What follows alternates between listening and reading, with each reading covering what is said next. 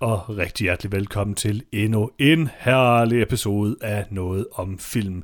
Jeg har hørt fra pålidelige kilder, at det er den bedste podcast i hele verden. Øhm, kåret af Google og Amazon og Apple øh, som årets podcast 2020, øhm, tror jeg. Altså, jeg ved det ikke. Jeg kan ikke altså, det står ikke for min regning, det her. Det er bare noget, jeg har hørt fra en anden. Øhm, det lyder som, som en troværdig kilde, du har det fået. Tænker jeg også, det tænker jeg også. Øhm, Freja, hvad der, der sagde det til mig egentlig? Jeg tror, det var Goggles, ikke Google. Nå, Goggles. Jeg kan Goggles yndlingspodcast i øh, 2020, noget om film. Den eneste podcast, hvor vi kun taler om film, øhm, og alt, hvad vi ellers lige har lyst til at snakke om. Øhm, og jeg er her sammen med mine to gode øh, øh, venner, nemlig Lars og Freja. Og øh, velkommen til. Mange tak. tak. Ja. ja, vi var jo desværre nødt til at fyre Peter. Mm. Men sådan går det jo. Øh, det har var simpelthen ja, for ubehageligt sidste gang. Det er klart. Jeg ved ikke, om du har hørt det, Johannes, men uh, det gik over. Uh, altså, jeg har primært, jeg har primært, altså, jeg, jeg har alt ud, som Lars sagde i den podcast. Men, uh, ja, selvfølgelig. men det var bare fordi, jeg, jeg, jeg gad ikke til at sidde og sådan skulle finde ud af, har I sagt noget kontroversielt eller ej? Så jeg tænker bare, det er mest sandsynligt, at Lars har sagt noget kontroversielt, så jeg lytter bare efter hans stemme, og så cutter jeg bare, hver gang han siger det. Og så uh, okay. på et tidspunkt, så kan jeg nemlig se, så kan jeg se waveform, nu er det Lars, der taler, så kan jeg bare klippe det ud. Ikke? Det er meget effektivt. Det er sådan, jeg redigerer podcast. øh, nej, jeg har faktisk ikke hørt det, men øh, det var sikkert meget kontroversielt, det må jeg sige. Ja, vi er nødt til at slippe af med det. Ja, det er godt at høre. Godt at høre. Øh, I den her episode om film, der skal vi øh, tale lidt om en øh, lille film, der hedder You Should Have Left, som jeg ved, I har glædet jer rigtig meget til at se. Øh, gyserfilm ja. om, øh, om øh, et hus, der måske, måske ikke er lige 5-6 cm for langt. Øh, Præcis. Det bliver spændende lige at se, hvad I, hvad I tænker om den øh, øh, film med uh, The Baconator, Kevin Bacon i hovedrollen som mand med målebåndet, øh, som man siger. det siger man jo. Og øh, derudover skal vi selvfølgelig tale om et par øh, herlige trailers, jeg har fundet. Og jeg synes faktisk, jeg har fundet nogle rimelig gode nogle den her gang. Nogle interessante trailers godt nok, jeg er følelsesmæssigt udmattet efter at se de fire trailers. du du kan ja. godt lige smidt én ting ind med sådan Mila Jovic, der kæmper mod en anime-dinosaur, eller sådan ja, eller andet, så lige, lige, lige kan slappe lidt af, fordi jeg tænkte, det, det, var godt nok, det var græd, meget. Græd du, eller hvad? Nej, jeg tror, jeg har mistet evnen til at græde nu. Jeg, jeg har brugt okay. alle mine følelser resten af livet. Ja, okay. Jeg knep en lille tår, det vil jeg sige. Øhm, men, øh, jamen altså, fire trailers. Jeg tænker, at nu hvor Peter han er fyret, så kan vi endelig tale om nogle seriøse trailers, ikke alt det der anime -gøjl. Øhm, mm-hmm. Så skal vi ikke bare kaste os ud i det? Hvad er den første, Johannes? Okay, jeg er nødt til at have lidt hjælp her. Hvad hedder den der øh, film med øh, Benedict Cumberbatch i en af hovedrollerne? The Mauritian. Mauritanian. Mauritanian. The Mauritanian, tak for det. Øhm, instrueret af Kevin MacDonald, baseret på en sand historie, hvor Jodie Foster øh, og øh, Charlene Woodley, okay, det er ikke den sande historie, de spiller nogen, ikke? Men øh, de ja. spiller nogen, der skal øh, forsvare øh, øh, en, øh, en fyr, der er blevet øh, tilbageholdt, eller blevet fængslet på øh, Guantanamo-basen efter 9-11. Og øh, hvad synes I om øh, The Mauritanian, Freja? Altså, de siger uh, Hitman 47, han siger også, hvad filmen hedder til sidst, hvis du skulle være i tvivl. Jo, jo, altså, det er også rigtigt nok, men uh, jeg, jeg, jeg, jeg, jeg glemmer sådan noget. Øh, Mauritania ser semi-interessant ud, men samtidig er jeg lidt svært ved at finde noget tonen. Øh, Benedict Cumberbatch er... Han er amerikaner. det er han, i den grad. øh, men det er bare ligesom om, jeg, jeg ved ikke, Altså, han er mere amerikaner, end han har været amerikaner i andre ting. Altså, han er mere og... amerikaner end nogen af amerikanere i hele verden, tror jeg. Måske. Problemet er bare, at hans ansigt ikke ser amerikansk ud. Han er, er han er sådan en lidt en, en, en, en grotesk britisk stereotyp. Øh, så lige meget hvor god eller dårlig han accent er, så, så køber jeg det ikke helt. Øhm, men det ved jeg ikke, den, den, den virker til at forsøge at være meget, meget, meget dyb og eftertænksom, og sådan, men jeg er ikke helt sikker på, at den... Jeg er ikke overbevist om, at det lykkes for filmen, eller om den bliver sådan lidt... Øh, den bliver måske lidt... Jeg ved ikke, hvad den bliver. jeg har lidt svært ved at greje den, men øh, den ser et både som sådan lidt en tv-b-film, samtidig med, at den også er Hollywood-stjerner, der virker til at have noget på hjertet i forhold til det her projekt. Hmm. Hvad tænker du, øh, Lars? Øh, altså filmen, som jo er øh, en fortælling om en, en fange i Guantanamo, der bliver holdt i, i hvert fald seks år, øh, før at der kommer en, en retssag, øh, og dermed ligesom det her øh, folkeretsbrud, som USA var ude i med, med deres, øh, øh, ja, med deres øh, fængslinger på Guantanamo, er jo i bund og grund en interessant historie. Men jeg har også lidt svært ved, altså, hvorfor kommer den lige nu? Øh, det er så mange år siden, man har snakket om Guantanamo Bay. Øh, er den blevet lukket? Det, det er jeg ikke sikker på, fordi Obama ville lukke den, men han gjorde det aldrig. Så jeg ved ikke, om, om Trump lukkede den, hvilket ville være sådan lidt øh, uh, paradoxalt. Det skulle ikke undre mig, at han gjorde det. Øh, så jeg ved simpelthen ikke lige... Øh, Altså, Trump skrev under på, at han ville holde den åben for evig tid, eller sådan et eller andet på et tidspunkt. Okay, super. Trump, han, uh, han gør ting. Det jo, gør men han. er det ikke bare basen i sig selv? Jo, det er jo jeg ved ikke, om... stor uh, flådebase også. Det er ikke bare et, et mm. fængsel. Mm. Jo, men, altså, jo, øh, der er stadigvæk fanger på Guantanamo. Ja, det, det, det er også det, jeg henså af. Der er omkring 40 så, fanger tilbage, så ud. Og, og, og, og, og jeg ved ikke helt, altså, hvor den her film vil hen. Den, altså, den så lidt småkedelig ud, kan jeg sige. Det er jo ikke, øh, det er jo ikke positivt. Men det er selvfølgelig stadigvæk et vigtigt emne, der bør være bevågenhed om, selvom vi bare ikke har hørt om det i de sidste fire år. Altså jeg vil sige, jeg synes, jeg er generelt ikke så meget for de her store, øh, enten patriotiske eller antipatriotiske, eller hvad man skal kalde dem, øh, film, hvor USA lidt svælger i det gode og det dårlige i USA. Øhm, det, det kan godt blive lidt for meget, synes jeg, i begge retninger. Øhm, jeg, jeg synes egentlig, den så okay ud, den her film. Det, det, det er et rimelig spændende emne. Det er... Øh, det ser ud til, at folk de spiller ganske godt i den. Jeg kan godt lide øh, uh, Charlene Woodley, um, og Jodie Foster selvfølgelig. Øh, uh, Tahar Rahim kender jeg ikke rigtigt.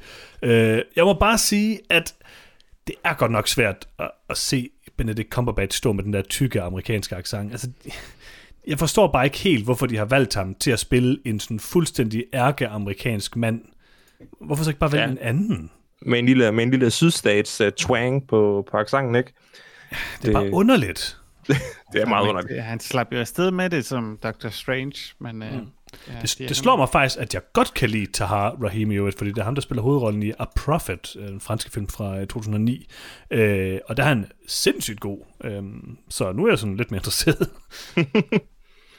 Men altså, jeg ved ikke, alle, alle skuespillere i den her film er jo gode skuespillere. Benedict Cumberbatch kan jeg sådan set også rigtig godt lide, øh, om end han er måske fejlkastet her. Øh, jeg ved ikke, jeg, jeg kunne egentlig godt være interesseret at se den. Jeg synes, den så bedre ud end så mange af de her andre krigspatriotisme-film, umiddelbart. Ja, det er da helt klart, at Jodie Foster, der skal bære filmen for mig, tror jeg. Ja, hun er også god, det må jeg sige. Jeg har haft virkelig meget lyst til at se Silence of the Lambs her på det sidste. Hvorfor? Fordi det er blevet jul, eller hvad? Ja, ja lige præcis. Jeg ser, jeg ser den hver jul. så, ja. Jamen, det kan vi vende tilbage til senere, måske. Uh. Øh, jamen, øh, næste trailer. Øh, Heaven's Gate, The Cult of Cults. Ny amerikansk øh, dokumentar miniserie øh, på HBO Max. Kommer også sandsynligvis til HBO Nordic her om, om et stykke tid. Øh, omhandler selvfølgelig øh, Heaven's Gate-kulten. Og hvad tænker I om den her dokumentar miniserie? Lars? Jeg øh, kender jo grundlæggende godt historien om Heaven's Gate, en flok øh, Star Trek-fans, der begik selvmord, fordi de skulle med, var det kometen Hale Bob? Øh, det, det må jeg ikke hænge på, men en anden komet, der kom, kom forbi jorden. Øh, men udover den overfladeviden, så, øh, så har jeg ikke mere øh, viden om det. Og jeg kunne rigtig godt tænke mig at se en øh, dokumentar gå i dybden med hvordan, altså, hvordan det her det skete. Uh, og ud fra traileren, uh, så virker det jo til, at der er lagt noget arbejde i at, at finde uh, masse footage og uh, få uh, relevante folk interviewet. Uh, så jeg er sådan set lidt uh, en lille smule stoked uh, om at høre en mere dybdegående historie om Heaven's Gate-kulten. Uh, mm-hmm. Freja? Ja, altså jeg har sådan lidt et overfladisk kendskab til det, men altså jeg er lidt kender med til det, sådan, folk har snakket om det, men jeg føler lidt, det er sådan meget mere kendt i USA, end, uh, end der her, uh, hvor det ligesom ikke er en lige så øh, udbredt mainstream sag i hvert fald. Uh, jeg kunne godt tænke mig at se det. øh, lige få lidt bedre indblik i det. For det virker interessant, og jeg synes, at traileren ligger godt op til også at prøve at kigge ind bag ved sådan, hvad var det egentlig, der skete, og hvem var de her personer, og hvorfor gjorde de, som de gjorde. øhm, hvilket er noget, for eksempel savnede, da vi så Spaceship Earth, hvor det var sådan lidt var kom til at handle om projektet, hvor vi manglede sådan lidt mere indblik i uh, personerne bag, og hvad det reelt set uh, foregik. Mm. Altså man kan jo ikke lade med at sammenligne lidt med uh, Spaceship Earth. Uh, der, der er lidt af det samme, om men den selvfølgelig ikke er helt så kultfokuseret. Øh, jeg tror, jeg har et ret stort kendskab til, til Heaven's Gate, fordi der var en øh, podcast-serie tilbage i 2017, sådan en true crime-agtig dokumentarserie, som er helt vildt god, øh, som jeg hørte i 10 afsnit. Og når man hører en, en ting i 10 timer, så, så ved man også en lille smule om det, vil jeg sige. Øh, og derfor så øh, er det selvfølgelig, altså jeg har det sådan tit med de her ting, hvor jeg har hørt en eller anden podcast, og så kommer tv-serien. Det kan sådan lidt gå begge veje. Hvis det bare er for meget det samme, så øh, er det jo bare kedeligt, for så har man for meget information til, at det er interessant at se. Øhm, lige præcis i det her tilfælde, der tror jeg faktisk, det er ret interessant, øh, fordi der er noget omkring det visuelle i sådan hele det her kult-ting, som jeg bare synes er vildt fascinerende. Der er det der med at se, hvordan de ser ud, se deres ansigtsudtryk, se hvordan de sådan bliver hjernevasket, det er jo virkelig skræmmende. Øhm, mm. Og jeg, jeg tror, det det bidrager noget til historien. Men jeg vil sådan helt overordnet sige, at Heaven's Gate er en af de mest interessante kulthistorier.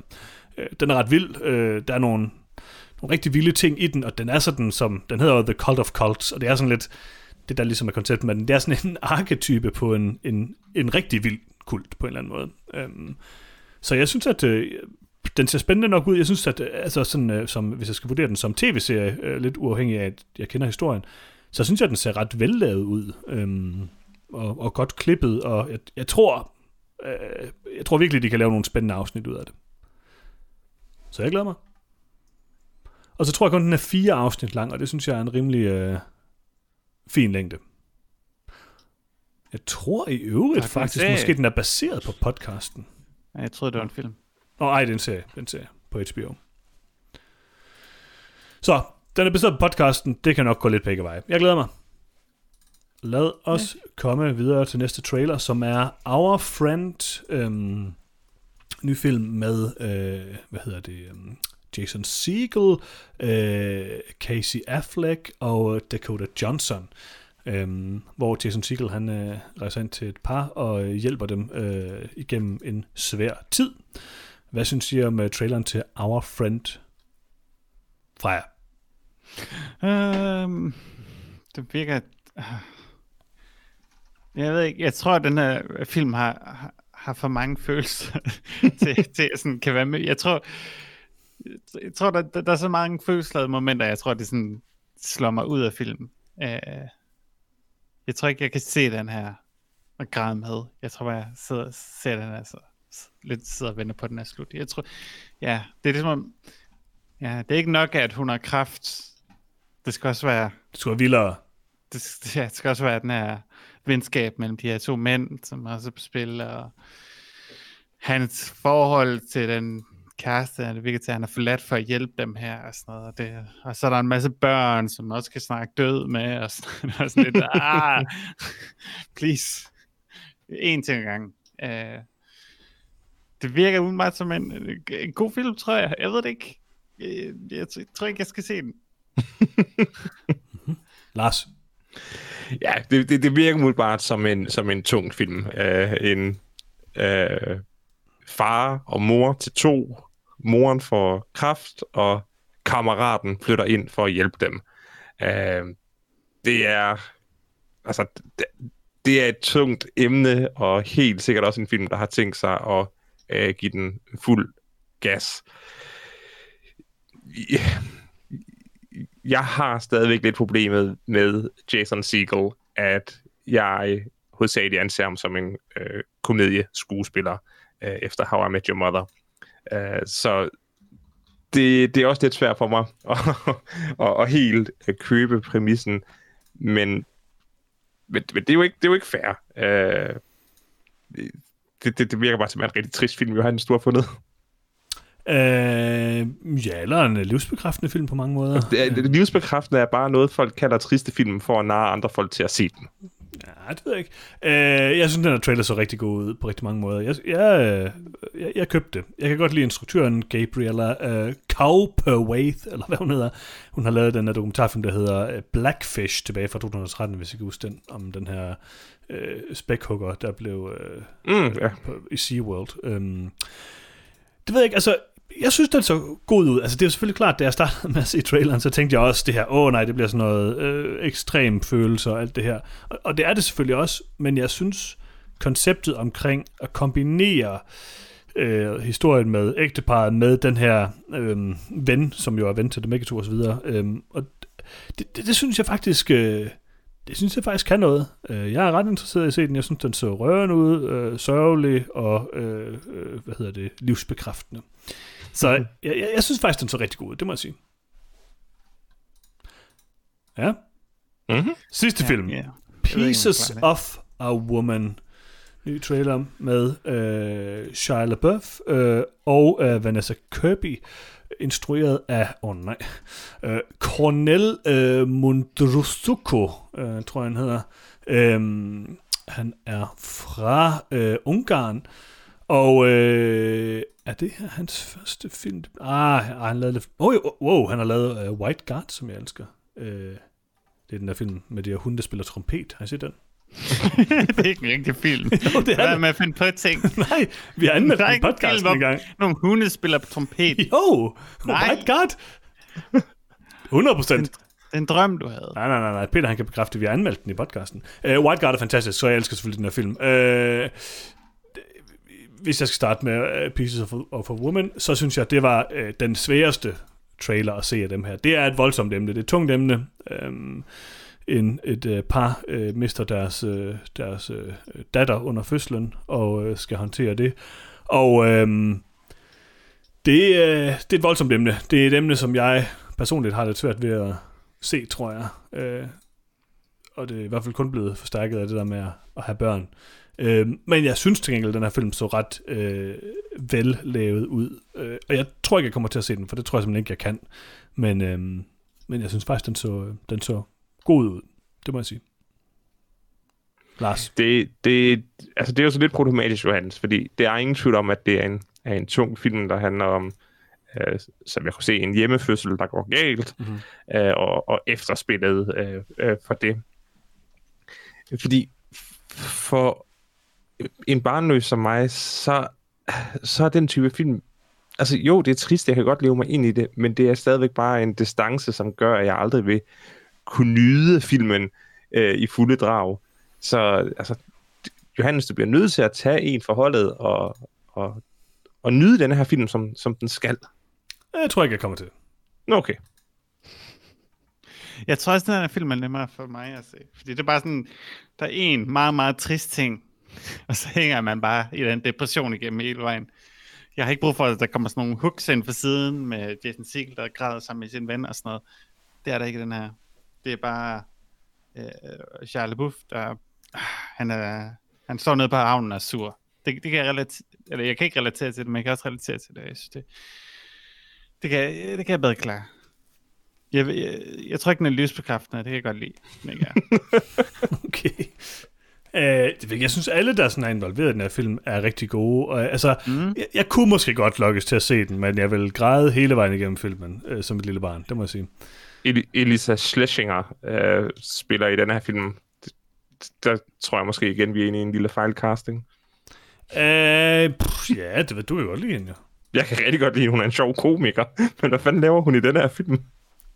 Det ved jeg ikke, altså det synes jeg, jeg er altid villig til at give folk en chance. Jeg synes jo, at det glemte jeg lidt sige før, jeg synes faktisk, Jason Segel er klart bedst i hans øh, seriøse roller. Jeg synes generelt ikke, han er særlig sjov, men jeg synes faktisk, han, jeg synes faktisk, han er ret god i, øh, i hans seriøse roller. Altså i hvert fald i den her type af roller i uh, Our Friend, hvor han sådan ligesom skal balancere det triste med det, øh, det sjove. Nå, men uh, Pieces of a Woman, uh, Shia LaBeouf er uh, fantastisk. Jeg synes, at Vanessa Kirby ser ud til at spille rigtig, rigtig godt i den også. Uh, ja, uden tvivl. Så øh, hvis jeg tør, så ser jeg den. Men jeg ved det ikke. Jeg, jeg, jeg, lover intet. Okay. Det må, jeg- det må jeg bare sige. Uh, hvad er jeres pick of the week? For mit vedkommende, så bliver det nok Heaven's Gate. Uh, den er jeg oprigtig interesseret i at lære mere om en herlig kult. Ja, jeg tror, jeg tager det samme. Øhm, der var, vi havde, altså man kan sige, vi havde fire interessante øh, film i dag, reelt set, eller i trailers, øh, hvilket vi ikke plejer jo. Um, men jeg tror måske, jeg kommer ikke til at se Our Friend. Det kan jeg ikke holde til. Mm. Jeg kan ikke klare de her film, hvor folk nogle gange er glade, når de har det helt vildt trist. det, det, er for meget, det er for meget tilbage, frem og tilbage. Det, jeg kan ikke holde til det. Uh, giv mig noget dejligt depressivt. Um, ja, Øh, pff, altså, jeg har også lyst til at sige Heaven's Gate på mange måder, for det, det er nok den, jeg kommer til at se, men hvis jeg skulle vurdere, hvad jeg tror er det bedste af det, der er her, så tror jeg, jeg siger Pieces of a Woman. Så skal du se den. ja. Ellers må Men- du vælge en anden. Man skal altid se den, man vælger. Okay, så vælger jeg Our Friend. Det bliver lige mellem ting så. Okay. Nå, skal vi komme videre til at øh, anmelde en film? Ja. Og øh, filmen, vi skal anmelde i dag, det er You Should Have Left. Og øh, det bliver så spændende at se, om man øh, også kan sige det til, øh, til vores lyttere, at de skulle have slukket lang tid før den her anmeldelse. Øh, men det kan vi finde ud af, når vi skal anmelde den. Men øh, først vil jeg gerne lige høre øh, Lars i Peters fravær. Ja. Har du så en lille opsummering klar til os? Jamen, det har jeg da. Det er godt at høre. En tidligere bankmands, en tidligere bankmand, hans skuespillerinde og deres livlige datter booker en ferie i et isoleret moderne hjem i det valisiske landskab, hvor intet er helt, som det ser ud til. Godt at høre? Eller det ved jeg ikke. øh, ja, øh, hvem har lavet den her film, og hvem er med i den, Lars? Den her film er jo lavet af David Cope, øh, og har øh, Kevin Bacon, øh, Amanda Siegfried i hovedrollerne, øh, og en breakout role, eller hvad det hedder, debutrolle for Avery Tew Essex, Som Ella. som Ja, der- Ella. Ja, ja, ja. Okay, jamen, øhm, hvor skal vi starte? Hvor skal vi starte? Altså, øh, jeg kan jo afsløre med det samme, det har jeg også sagt før. Jeg har jo læst bogen. Selvfølgelig har du det. Mm, det er klart. Øhm, så jeg ved ikke, om det er smart, jeg starter. Det er det sikkert ikke. Nej, Freja. Jo, gør det. Du har lige prøvet at starte, har du? Okay, så prøver jeg at starte her nu. Det bliver svært.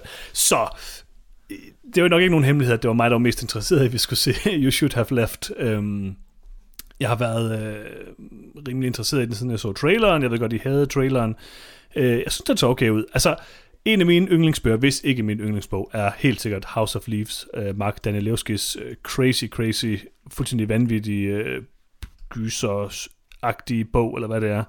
Øhm, en af de mest komplekse og øh, vilde bøger, der nogensinde er skrevet. Øhm, og da jeg hørte om bogen You Should Have Left, så tænkte jeg med det samme, okay, det er det samme. Det er et hus, der er underligt, der sådan er geometrisk forkert. Øh, huset er ligesom en karakter, bla bla bla, bla alle de her ting. Øhm, og derfor var jeg selvfølgelig meget interesseret i bogen, men tænkte også, at det hurtigt kunne blive en kopi af House of Leaves. Og det er det måske også en lille smule, bogen. Øhm, til gengæld vil jeg sige, at øh, bogen, som er skrevet af øh, tyskeren Daniel Kerlmann, øhm, øh, den er faktisk ganske god. Det er faktisk en novelle, i hvert fald lige sådan på kanten til at være en novelle. Jeg tror, den er 100, ja, den 113 sider lang. Øhm, og jeg, jeg læste den på sådan en en gang, altså en, en aften, hvor jeg lå oppe i min seng. Øh, stoppede ikke en eneste gang, så jeg, jeg må have været sådan rimelig interesseret i den. Og jeg kunne gå overordnet set ret godt lide bogen. Den har nogle ret interessante ting. Øhm, den øh, er fortalt på en interessant måde. Øh, har sådan et, øh, øh, hvad hedder det, øh, upålideligt fortællerkoncept. Øhm, ikke helt så kompleks som House of Leaves, men klarer sig godt, vil jeg sige. Øhm, så kommer traileren til You Should Have Left filmen, og jeg tænker, okay, det er måske ikke helt det samme som bogen, men øh, de har taget de vigtigste ting med sådan lige overordnet set. Øh, meget cool hus, øh, jeg kunne godt bo der. Øh, målebåndet, det er med selvfølgelig, det er vigtigt. Lad os se, hvad der, lad os se, hvad der sker. Jeg er et, øh, tentativt interesseret. Og så ser jeg, øh, så ser jeg så You Should Have Left. Og øh, jeg må konstatere, at den her film er meget lidt ligesom bogen. Har intet af bogen, i hvert fald meget lidt af bogens kompleksitet og nuance. Og øh, det kunne jeg sådan set have levet med, fordi sådan, jeg tror måske, hvad skal vi sige, tre fjerdedel af filmen, der er den bare sådan en rimelig standardiseret gyserfilm, men har alligevel et eller andet sådan lidt underligt over sig, fordi at den ikke er så ekstrem, den er, meget sådan, den er sådan rimelig subtil. Det kan meget godt lide. Så er der så slutningen, og det er sådan overhovedet ikke, det har intet med bogen at gøre. Og det er jo sådan en helt klassisk horrorfilm, og det er vildt bare, fordi de har sagt sådan, okay, den her bog er rimelig svær at filmatisere tydeligvis, så lad os lave en anden slutning. Og det gør de så. Og det fungerer ikke særlig godt. Så overordnet set kunne jeg ikke særlig godt lide den her film. Øhm, den var skuffende. Vi kan selvfølgelig snakke om slutningen lige om lidt, men altså, jeg synes det der, de gør med at bare sådan lave det til sådan en helt standard gyserfilm, hvor vi skal forklare det hele, og bla bla bla bla bla. Altså, det, øh, det fungerede bare ikke for mig. Øh, det er også svært, når man skal sammenligne med bogen, men jeg kan bare give et eksempel, som er det her med, at i bogen, fordi den er fortalt af hovedpersonen selv, øh, som jo er en helt anden karakter, har en helt anden beskæftigelse, alle mulige ting, der er en helt anden grund til det er i huset, og whatever, whatever alle mulige andre ting. så øh, helt elementært, så er det bare det her med, man finder aldrig ud af til nærmelsesvis, hvad hovedpersonen har gjort, hvis han har gjort noget. Og i den her film forklarer de det hele fra start til slut, og de slutter ovenikøbet med at sige helt bevidst, om han har gjort det eller ej. Mm. Og det er sådan lidt sådan, okay, det er sådan vidderligt pointen i bogen på en eller anden måde. og, og det fjerner de så. Men altså, i hvert fald pointen på formen på bogen. Så jeg ved ikke, jeg synes, det var lidt uinteressant, øhm, men der er stadigvæk elementer af den her film, jeg meget godt kan lide. Jeg vil sige, at de tre, den første tre fjerdedel er sådan en, en nem gyser at se, i og med den på nul måder er uhyggelig. Du må have elsket den, Lars. Øhm, slutningen er desværre ret dårlig. altså, først og fremmest, så bliver jeg jo nødt til at øh, opponere imod, at vi lige pludselig uh, ser gyserfilm uden for vores horror special. Uh, Johannes, det, er en, det, er en, det er en uskik, og du skal ikke prøve at snige uh, gyser ind på sådan en hyggelig uh, december uh, aften som i dag. Hmm, men det var jo ikke en gyser, Lars. Den var ikke særlig uhyggelig. men når det så er sagt, så uh, kunne jeg egentlig meget godt lide filmen. Uh, Kevin Bacon har aldrig været min yndlingsskuespiller, men han er, han er en, uh, han er en, uh, altså, han arbejder, han er en jobber, han, han gør sit job. Han har meget stor næsebor. Ja, og det, det sætter vi alle sammen pris på. Uh, Amanda uh, Seyfried er, er, er herlig, og jeg synes også, hun spiller godt i filmen. Barneskuespilleren er desværre nok lige en tand for nerve øh, flossende øh, til, at, at jeg helt kan anbefale, eller helt kan, kan prise hende for hendes rolle. De har også instrueret hende til at bare skrige ja, hele tiden. Bare sådan, okay, du skal, fra, du skal gå to meter. Kan du løbe med armene hen over hovedet og bare skrige? Ja, præcis. Det, det, det går en meget på. At det, bliver, det, det, det bliver bedre senere i filmen, men hun starter meget ulideligt. Mm. Nå, hvorom alting er.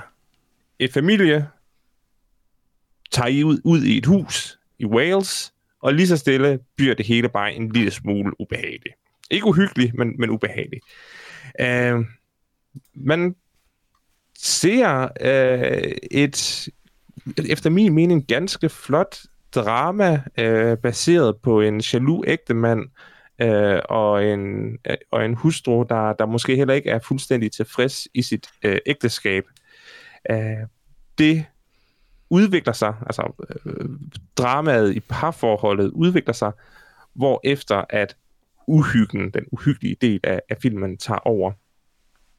Jeg har ikke læst bogen, så det er jo kun en god ting, for jeg synes egentlig, at filmen på en rigtig intelligent øh, og flot måde fik samlet øh, trådene, øh, fik løst det her mysterie, som de fleste gyserfilm jo i bund og grund er. Det er et mysterie om, hvorfor noget er mærkeligt.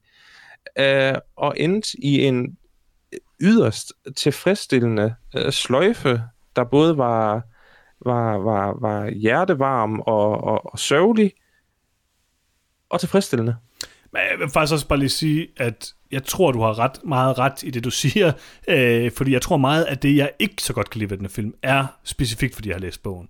Øh, mm. Og det er lidt et ekstremt eksempel, fordi de har ændret, altså de har både ændret meget og lidt, men de har ligesom taget alt det unikke ud af bogen, og fjernet det fuldstændig. Men hvis jeg havde set den her film som en straight gyserfilm, ikke havde læst bogen, bare sådan gerne ville have det der semi-interessante psykologiske horror-drama, så jeg tror faktisk, jeg ville have synes, den her film var ret god. Så det er også det svært for mig sådan helt at kritisere den øh, altså, alt for meget. Ja, jeg, jeg, jeg er jo bare meget overrasket, Johannes, over, at uh, du ikke uh, begyndte at klappe i dine hænder, da filmen øh, begyndte at Dunkirke til sidst. Du elsker, når en film Dunkirker. Dunkirk er der overhovedet ikke, hvad mener du? Oh, Åh, oh, okay, nej, altså, okay, det er ikke Dunkirk og hvad hedder arbejde med time dilation. Jeg kan også godt lide time dilation. Okay, er det ikke en del af Dunkirk? Nej, det er det ikke. mytosen? Dunkirk er bare rumvæsener. Det er bare rumvæsener. Oh, Okay, okay, okay. Så er det ikke en Dunkirk, så er det bare... Selv, selve Dunkirk har en form for time dilation. Ja, ja, det har den. Det har den Det er bare måden, film er struktureret på. Altså, alle okay. Nolan-film har time dilation, og jeg elsker time dilation, men altså, men det er ikke Men det var, det var, det var, det var lidt mere en gimmick, det vil jeg gerne give dig. Men det var bare en, en fin opsummering af, hvorfor Ja, vi var, fungerer. hvor vi, hvorfor vi var, hvor vi var. jeg, jeg tror måske det der, altså det er også med det der monster til sidst. Det er meget lidt med, og det er jo ikke rigtigt monster, bla bla bla, alle de her ting. Det er bare så, altså, det er bare lidt ærgerligt at sidde og se sådan en film, når man har læst noget, man egentlig synes er meget godt, og så er det bare så klassisk på en eller anden måde. Men igen, havde jeg set den uden at have set det, så havde jeg nok ikke tænkt nærmere over det, og så havde jeg bare synes det var en rimelig ok gyserfilm. Den er lidt dårligere end uh, The Invisible Man, men ikke meget, og det er et fedt nok hus. Freja. Johannes nåede at fortælle, hvad slutningen var, før jeg fik lov at snakke. øh, jeg ved ikke, hvad for en film Lars har set. Den den er ufattelig kedelig. Øh, jeg vil gerne have halvanden time med Kevin Bacon, der målte et hus. Jeg fik 5 minutter af Kevin Bacon, der målte et hus. Det er det, du er skuffet over. 125 minutter med Kevin Bacon, der gik og slukkede og tændte øh, stikkontakter. Sådan, Ej, jeg tænder lyset her. Ej, jeg slukker igen. Og så gik han rundt, og så tændte han, og så slukker han lyset. Oh man, jeg vil gerne have set det director's cut, du øh, har set med en ekstra halv time. Der var stort set ikke noget. Øhm, hvad hedder det? Ja, øhm, jeg er, det er ikke nogen hemmelighed, jeg er ikke glad for gyser. Øhm, Du er lidt sart. et, et, jamen, det er ikke så meget kun et spørgsmål om at være sart, fordi ja, der er nogle gysfilm, jeg synes er mindre uhyggelige, end, end folk mig gør, som jeg forstod ikke, hvorfor Blair Witch Project skulle være hyggelig og sådan noget. Det er mega uhyggeligt. Øhm, men ja, jeg kan ikke lide at være bange. Øh, det, er ikke en, det er ikke en sjov oplevelse for mig. Det er det så for nogen. Øh, men den andet er, at jeg har helt vildt svært ved at suspende mig i disbelief, når det kommer til gyserfilm. Øh, og jeg kan godt lide plot.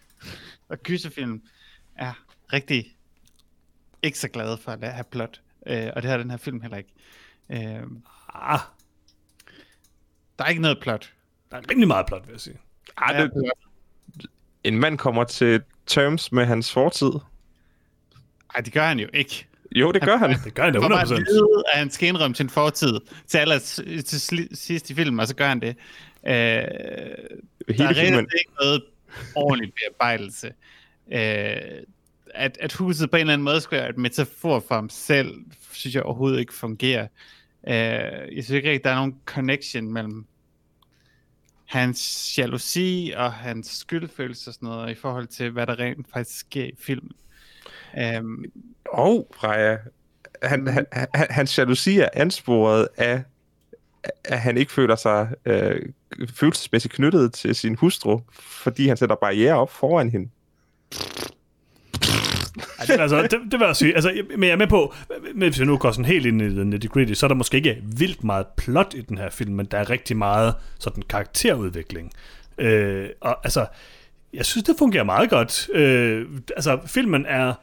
Øh, det, som jeg måske synes er filmens største problem, det er nok det, Lars synes er den største styrke, og det forstår jeg også godt. Det er det der med, at den, den er jo lige præcis en meget velafrundet film, som tager tingene fra et sted til et andet sted en Præcis. ret logisk øh, konsekvens. Og det synes jeg, der fungerer meget godt. Det synes jeg over- overhovedet ikke, den gør.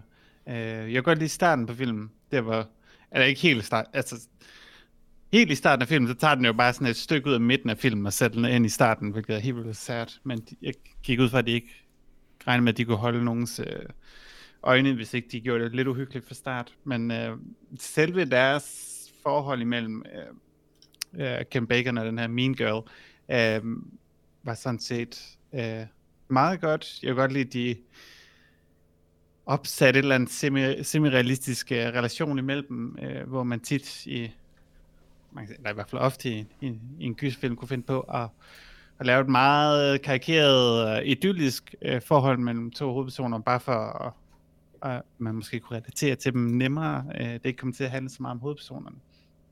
Men det gør det her. Men jeg synes ikke, der er nogen udvikling. Jeg, eller hvis der er en udvikling, så synes jeg, den er, den er presset igennem, øh, uden at den er det værd, og hele det der underlige time dilation. Og jeg, jeg slog mig i panden, der hvor han kom ind og se sig selv, og så er det ham, der skriver i bogen, uh, Leave the House. Og det er bare sådan, ah, det var cringe, det var så dårligt, det var cringe. Det, det kan jeg overhovedet ikke tage. Det, Det er var dårligt. herligt. ej. Det er lidt dårligt filmatiseret, det, det er jeg også med på. Altså, ja, det er heller ikke, fordi jeg skal sidde og sige, at bogen er sådan et mesterværk. Det, det er den ikke, men den er rimelig subtil, rimelig intelligent, øh, får mere ud af konceptet, end den her film gør. Men når det så er sagt, så synes jeg egentlig, at det her det er en okay filmatisering, for jeg tror, det havde været meget, meget svært. Altså man siger altid, House of Leaves-bogen er fuldstændig umulig at filmatisere. Og jeg tænkte egentlig også, at øh, You Should Have Left ville være sådan lidt svær at filmatisere. Men de, de gør noget godt med den. Øh, de, øh, de tager den i den retning, der kan lade sig gøre. Og de formår at afrunde den. Det er bare lidt ærgerligt, hvis man har læst den, og måske forventet lidt større sådan subtil karakterindsigt. Fordi jeg, jeg er med på det, du siger, Lars, at den, den binder en rigtig fin krølle på det hele, men jeg er også lidt enig i det, du siger, Freja, som er, eller øh, det var i hvert fald en af de ting, du sagde, det der med, at, at det ikke er dybt nok på en eller anden måde. Altså, der er ikke ret, altså, det er for letkøbt på en eller anden måde. Øhm, mm. Så, altså, jeg ved ikke, jeg synes bare, det ender som sådan rimelig standardiseret, øh, hvad hedder det, øh, hvad hedder det, øh, øh, film. Der er jo et, en genial scene i den her film. Øh, det hele, det var det her med sådan, åh, vinklerne er skæve og anderledes. Det var jo et, øh, det, det, det er da meget symbolsk, ikke? Øh, de er out of sync og sådan noget. Det, det, det er meget godt. Men han får den her, øh, hvad hedder det, øh, den her lineal, han skal måle med, ikke? Mm-hmm. Så, så I, hvordan de lavede det der med, Ja, at vinklerne skal han drejede den bare. han, han vendte, han vendte den forkert. Det var var, forkert. det var så forfærdeligt. Det er virkelig godt. Øh, men, men jeg er helt enig med Freja. Der var absolut ikke nok scener i filmen, hvor Kevin Bacon gik rundt og målte vinkler og, Det er rigtigt. øh, og, og, og brugte målebåndet. Det kunne godt have været sådan lidt en Jack Torrance, hvor at, at han bare i, i en halv time stræk rundt og målte huset. Det vil jeg også have nyt. Men det er der heller ikke ret meget i bogen. Og Jeg vil sige, hvis man godt kan lide det, så skal man, altså, og det vil jeg sige til alle mennesker generelt i denne verden, læs House of Leaves. Altså, hvis man ikke har læst House of Leaves, så er det det eneste, du skal gøre med din tid lige nu. Du skal slukke den her podcast, du skal øh, slå op med din kæreste. Ah, det behøver du ikke. Det kan du med at slå op med din kæreste.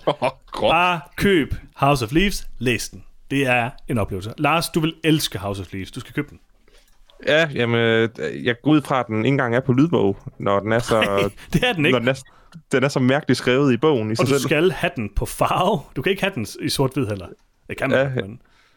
Ja, det kan godt være, at jeg skal... Jeg vil gerne læse den, Johannes. Du har, du har for længst uh, solgt mig på en bog, hvor en side er skrevet i spiral i stedet for i linjer. Yep. Altså, det er... Og du kan også godt lide We Have Always Lived in the Castle og sådan nogle ting. Altså, der, der er mange lige... Jeg tror, der er rigtig mange af de her ting, du godt vil kunne lide. Jamen, jeg kan bare ikke lide at læse bøger. Altså, jeg kan lide at høre bøger. Jeg det er tror- det, der er problemet. Men jeg tror faktisk, du vil kunne lide at læse den her bog, fordi den, altså, det er en bog i en bog i en bog, plus at øh, hele det her font-koncept er sådan helt underligt. Altså, ja, det er vildt. Det er en oplevelse. Øhm, hvordan ved man, at en person er utro, fordi de ejer to telefoner? Åh, Freja. Det er jo bare, det, det er sådan, det er. Det er, sådan, det, det er den eneste grund til at have nummer to telefon, 100%. Ikke fordi hun er skuespiller og har, gerne vil have en arbejdstelefon. Nej, Mm, Hvis man har en arbejdstelefon, så har man ikke, altså, så har man ikke en hemmelig arbejdstelefon, som manden ikke kender noget til. Nej, men hvis man... Og jeg synes jo, det var en, fan, det var en fantastisk scene, hvordan han efter et skænderi skriver en sød besked til hende, og hun Ja, tager telefonen op, og man regner med, at hun vil læse beskeden og smile ind til ham, og så er beskeden bare sendt til den telefon, der ligger lige ved siden af ham. Det var, Det vil jeg sige. det, det fik det til at blive koldt ned af min nak, øh, i forhold til at blive så svigtet i, i, i et parforhold. Øh. Ja, jeg er sikker på, jeg er ikke sikker på, at jeg forstår det alligevel, fordi hvis, altså, hvordan kan hun gemme, hun har to telefoner for den person, der er sammen med hele tiden? Det tror jeg ikke på. Det, det svarede hun også. Det var svært. Ja. Jamen, hvis du har to telefoner, hvorfor ikke bare sige, jeg har den her arbejdstelefon? Og så siger han, For- nå okay, Fordi han jo i forvejen læser hendes beskeder, og det ved hun jo godt. jamen hvad med Ja. at så have en kode på sin arbejdstelefon, han ikke kender? Eller hendes Han arbejds... kender tydeligvis alle koderne. Han var inde på alle hendes devices. Men det var den samme kode på de to devices. Uh, Nu tror jeg, du overtænker den en lille smule fra. Jeg tror, det er, jeg tror, det er meget logisk, hvorfor man har to telefoner, hvis man gerne vil skjule. okay, okay, okay, så svar mig det her. Ja, Okay. Hvorfor har han aldrig sendt en sms til hende før? Det har han også. Men hun, Nej, har, jo, det kunne hun man har se. fucket op. Hun har fucket op. hun har fucket op. Hun har taget den forkerte telefon med ud at lege. Man kunne se, da, da, øh, da man kiggede på hans telefon, at det var den første besked, han nogensinde sendte til hende. Nå. Det kan da bare være, at de har clearet Jeg havde ikke, ikke haft noget korrespondence før det. Okay, det, det, det vil jeg give dig ret i. Det er sådan lidt en, uh, en continu, kontinuitetsfejl i en film. Dem er der rigtig mange Det er af li- der er 0, der okay, der er 1. film. Okay, hvad med ja, lad der, os hvor en en af datteren øh, går ind og henter sin jakke, ja.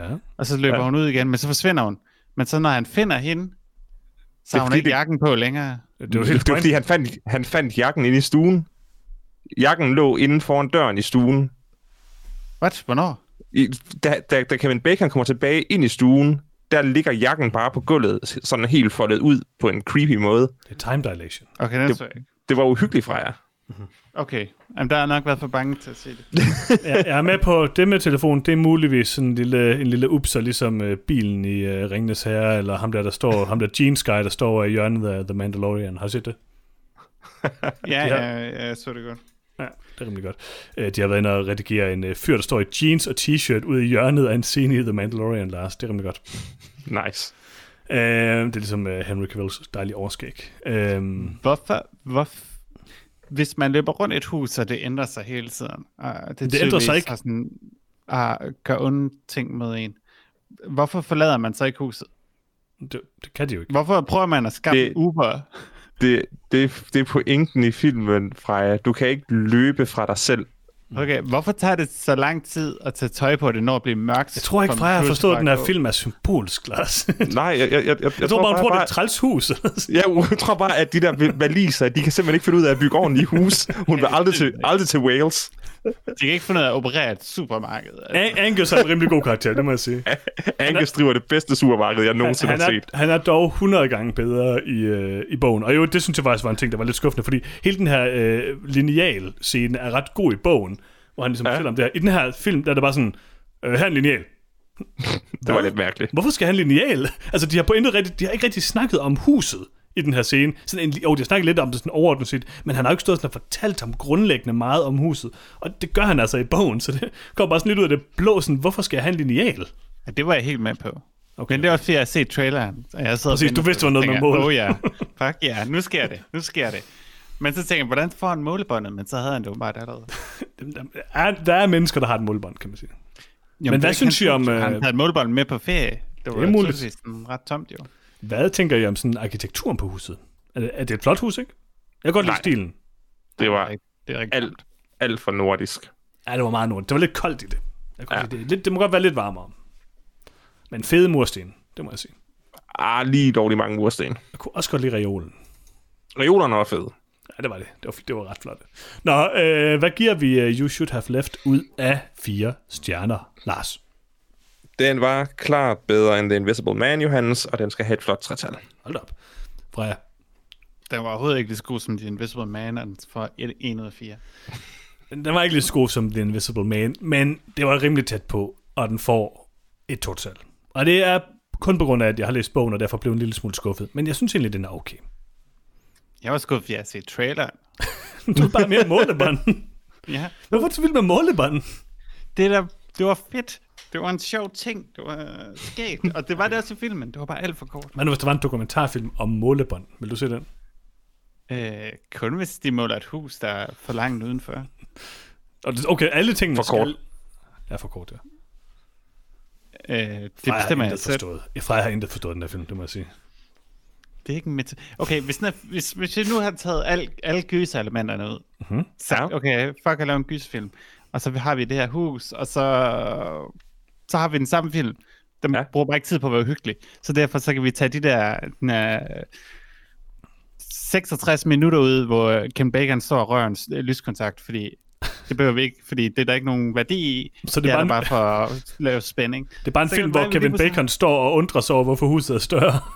Ja, måske uh, hmm, havde plads til at have nogle flere samtaler med, med hans kone, og have nogle flere interaktioner, måske vide Bare lidt sådan- mere, og lige så stille få lidt mere ud af hans Det jo- baghistorie. bare Det sådan hyg, hyg, hyggelige samtaler med konen. Bare sådan, skal vi, skal vi købe noget mere smør? Nej, nej, altså, altså samme film, samme... Men hvis det er samme film, så er det da fuldstændig det samme koncept. Det er jo ikke uhyggeligt på grund af, at der er sådan et gyser-element. Den er jo bare... Den er uhyggelig, fordi sådan... Det er jo plottet, der sådan er ubehageligt Altså, det der med at psykologisk. gå og tænde lys, det er jo bare sådan en, en gysertrupe. Det er sådan noget, okay. Men der sker jo ikke noget, når han tænder og slukker lyset. Nemlig, nemlig, nemlig, nemlig. Så den, den leger med dine forventninger, Freja. Det, er jo- det, er det, er jo det, der, det er jo det, der enken fra jer. Han går og tænder og slukker lyset i fem timer, i stedet for at have sex med en hustru. Det er et billede på, hvordan deres parforhold fungerer. Mm. Mm. Det er ikke Det er jo uhyggeligt. Det, smukt. Det er jo smukt. det, det er smuk metafor for Ja, at det er tænde og slukke. Jeg giver, jeg giver den et tretal. Jeg giver den et tretal. Hvad med Tak, han, Johannes. Tænder og sluk, øh, slukket badekarret? Ja, så lige, nej, tænder vandet. Slukker Freja, han sit- tænder og slukker sin sexlyst. Det er det, han siger. Ikke? Præcis. Ja. Ah, nej, måske er det kun sådan noget, mænd kan forstå. med, med lyskontakter. Ej, men ly, ly, altså, lyskontakter er et klart faldersymbol, det vil jeg sige. Ja. Okay, Altså, øh, ud, ud, ud over det, det nok nærmere er et symbol på det kvindelige kønsorgan. du så, skal ikke okay. putte din diller ind i en stikkontakt, Lars. Det kan jeg ikke anbefale. Han går og nuller. Det er lidt dejligt Kontakt. nogle gange, men altså, Han, han nuller kontakten op og ned, op og ned, op og ned, men han kommer ingen vegne. det er selvfølgelig rigtigt. Okay, det er, ja, det er, det er rigtigt. Det er rigtigt. Det kan jeg godt se. Lad være siger- at prøve på en metafor i den her film. Der er ikke nogen. Det Der er et kun, hus. der er Der- kun metaforer fra jer. Der er et hus, Jeg synes- der er bygget lidt forkert, og så Jeg- prøver de at gøre det uhyggeligt. Jeg synes, det bedste er, at den oh, her... nej, det er for langt. Men det er jo det, du elsker ved filmen. Jo, Du vil have mere af det for langt. det. og de bruger det ikke til noget. Okay. Uh, jeg synes jo, at den uh, værste uh, scene i den her film, det har vi jo ikke. det kunne være specials. Men jeg vil lige, lige nævne det, fordi jeg, jeg så det. Udover det med linealen, som er faktisk mås- det er måske den bedste scene, uh, hvor han bare sådan snyder totalt, og alle kan se det. Uh, så synes jeg der, hvor at, um, de skal sådan, den her film har ikke det største budget i verden, og det skal ligesom vise, huset ændrer sig, eller der huset gør noget ved dem og sådan noget. Så han skal løbe mm. op ad en trappe, og så er det ligesom meningen sådan, okay, må trappen ændrer sig eller sådan noget. Det gør den bare ikke. Han falder bare ned ad trappen. sådan, og, og det, det er ikke engang sådan, fordi kameraet gør noget særligt. Han, Kevin Bacon vælter bare ned ad trappen, sådan lidt øh, klodset. Jeg, jeg var med til et punkt i den scene, hvor jeg sådan, okay, um, de har faktisk gjort det okay for få den her tydelige øh, statiske trappe til at virke, som om den gør et eller andet. Det var Men fint, at han blev med at, ja, det, altså, det, det var fint så længe, at, det blev med at han blev med at blive jumpcuttet tilbage til bunden af trappen. Mm. Det, det gav mening. at han, I et øjeblik, så var han nede på bunden af trappen igen. Men da han løb halvvejs op og bare akavet gled ned ad trappen igen, så var jeg også øh, lidt tabt. øh, bedste scene er nok... Altså nu siger jeg ikke, det var en måler, fordi jeg var faktisk lidt træt af, at de ikke holdt den der, det der målbånd sådan helt ud stift. Altså hvis man virkelig skal måle, om det er større Ja, ja, et sted end det er det andet, så hold det lige øh, strækt ud, ikke? Du skal ikke bruge Øh. et barn til at holde et målebånd. Det er også Nej. bare øh, en fejlkilde lige der. Ja, en grund til, at der sidder en lille tab på det. Præcis. sætte det på siden af muren. Men øh, jeg synes, den bedste scene, det var der, hvor han skulle hen og hente sin kone på sættet. Og han kom til sådan en uh, porno shoot, eller de var ved at skyde sådan en meget, uh, Ja, meget erotisk sex scene. Og den der akavede ting, han havde med ham der, ham uh, vagten, der stod der, det, det synes jeg var meget godt. Der var, jeg, der var jeg on board film, der tænker jeg, hey, det kan godt være, der er noget i det her. Ja. Men det var der ikke. Der var kun lyskontakter, Masser af lyskontakter. og ingen metaforer. Okay, Kun metafor fra jer. mange metaforer, det vil jeg sige. Nå, lad os komme øh, hurtigt videre. Øh, finde en, film, en, måske en dokumentarfilm om metafor til Freja. Øh, men lad os øh, tale lidt om, hvad vi har set siden sidst. Hvad har du set, Freja? Var det noget med målebånd? Øh, vi snakker jo det, vi, vi så en uh, film, der hedder The Trial of the Chicago 7 sidste gang. Mm-hmm. Um, og i den så vi jo den fantastiske Mark Rylance. Mm-hmm. Uh, og så fik jeg lyst til mere Mark Rylance, så jeg genså hans uh, Oscar-vindende uh, film uh, Bridge of Spies. Um, og sådan den eneste gode uh, Spielberg-film i, i de sidste uh, 15 år. Og ja, Bridge of Spies er stadig en helt okay film. Ja. Den er... Tom Hanks er Tom Hanks. Spielberg er, har Spielberget det. Og Mark Rylance, han er så den, der hiver filmen op på, på, på et ordentligt plan. Øh, fordi øh, den har ikke så meget at byde på. Det er sådan helt by the numbers udmærket.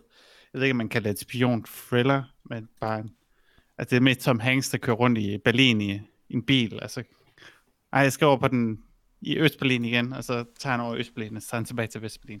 Der sker egentlig ikke så meget, men Mike, Mark Rylance er, er super god. Og det er forståeligt, hvorfor han vandt en, en Oscar. Interessant. Jeg har ikke set den, øh, men det kan du være, man skulle gøre det. Ja, men jeg vil da anbefale det. Øhm, Man, mm. jeg, jeg, jeg tvivler på, at der er nogen, der kunne se Bridge of Spice og fortryde det, fordi den er egentlig ret uh, let underholdende. Okay, ligesom man ikke kan fortryde at have set uh, You Should Have Left. Jeg fortryder det ikke. Uh, Okay. Fordi lige meget, hvor dement og gammel jeg bliver, så glemmer jeg aldrig, hvordan man bruger en stikkontakt nu. Det er selvfølgelig rigtigt. Det er selvfølgelig Det er rigtigt. meget rart. Oh, det er, du taler i uh, symbolik, det kan jeg godt lide fra jer. Øhm, Lars, hvad har du set? Er det det samme som metafor? Hvordan? Nej, det er noget andet. Jeg, jeg teasede jo sidste gang, at jeg havde set det første afsnit af We Are The Champions på Netflix. Mm. Uh, en herlig uh, minidokumentar om at løbe ned ad en bakke efter ost. Mm-hmm. Uh, jeg har nu set de resterende fem afsnit af serien.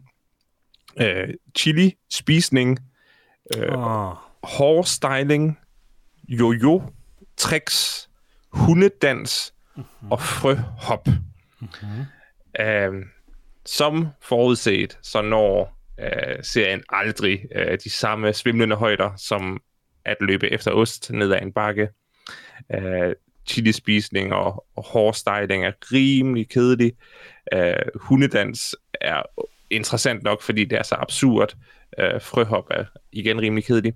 Men lige præcis Jojo-afsnittet var, var egentlig ganske godt. Uh, den havde lige sådan en, sådan en mini-version uh, af Speedcubers. Så det var egentlig et ganske hyggeligt lille afsnit. Så hvis man har brug for noget dumt at slå tiden ihjel med på uh, Netflix, så se We Are The Champions. Det var okay. Øh, Jeg har set lidt af det. Jeg så det første der oste. Øh, eller så... Ja, jeg så den der serie. Og så tænkte Okay. jeg, okay, lad os prøve at se det her. Jeg sagde til min kone, da vi satte det på, det her det bliver helt sikkert sådan en dokumentar, hvor at i de første fem minutter, der ser man ligesom det hele, og så skulle de nok bare have stoppet det der, men så har de tænkt sig at køre videre en halv time efter det. Og det var præcis sådan, det var. Og så så jeg ikke mere. Ej, Jeg synes, Osteafsnittet var, var velfungerende, fordi det lagde op til det her race, der reelt set var spændende, fordi deltagerne kan dø. Uh, tro mig, de efterfølgende afsnit har ikke den samme uh, intensitet og nerve, Nej. når det handler om hundedans, for eksempel. Så jeg var også lidt interesseret i, øh, så vil jeg hellere se det der Calcio Strone, eller hvad det hedder, hvor de banker hinanden i Firenze. Det er meget Ja, sjovt. Den, uh, nu kan jeg ikke huske, hvad den serie hed. Der, home, home, home Game hedder den serie. Ja. Uh, og det her, det er sådan set bare Home Game for fjollede ting. Uh, home Game var mere interessant.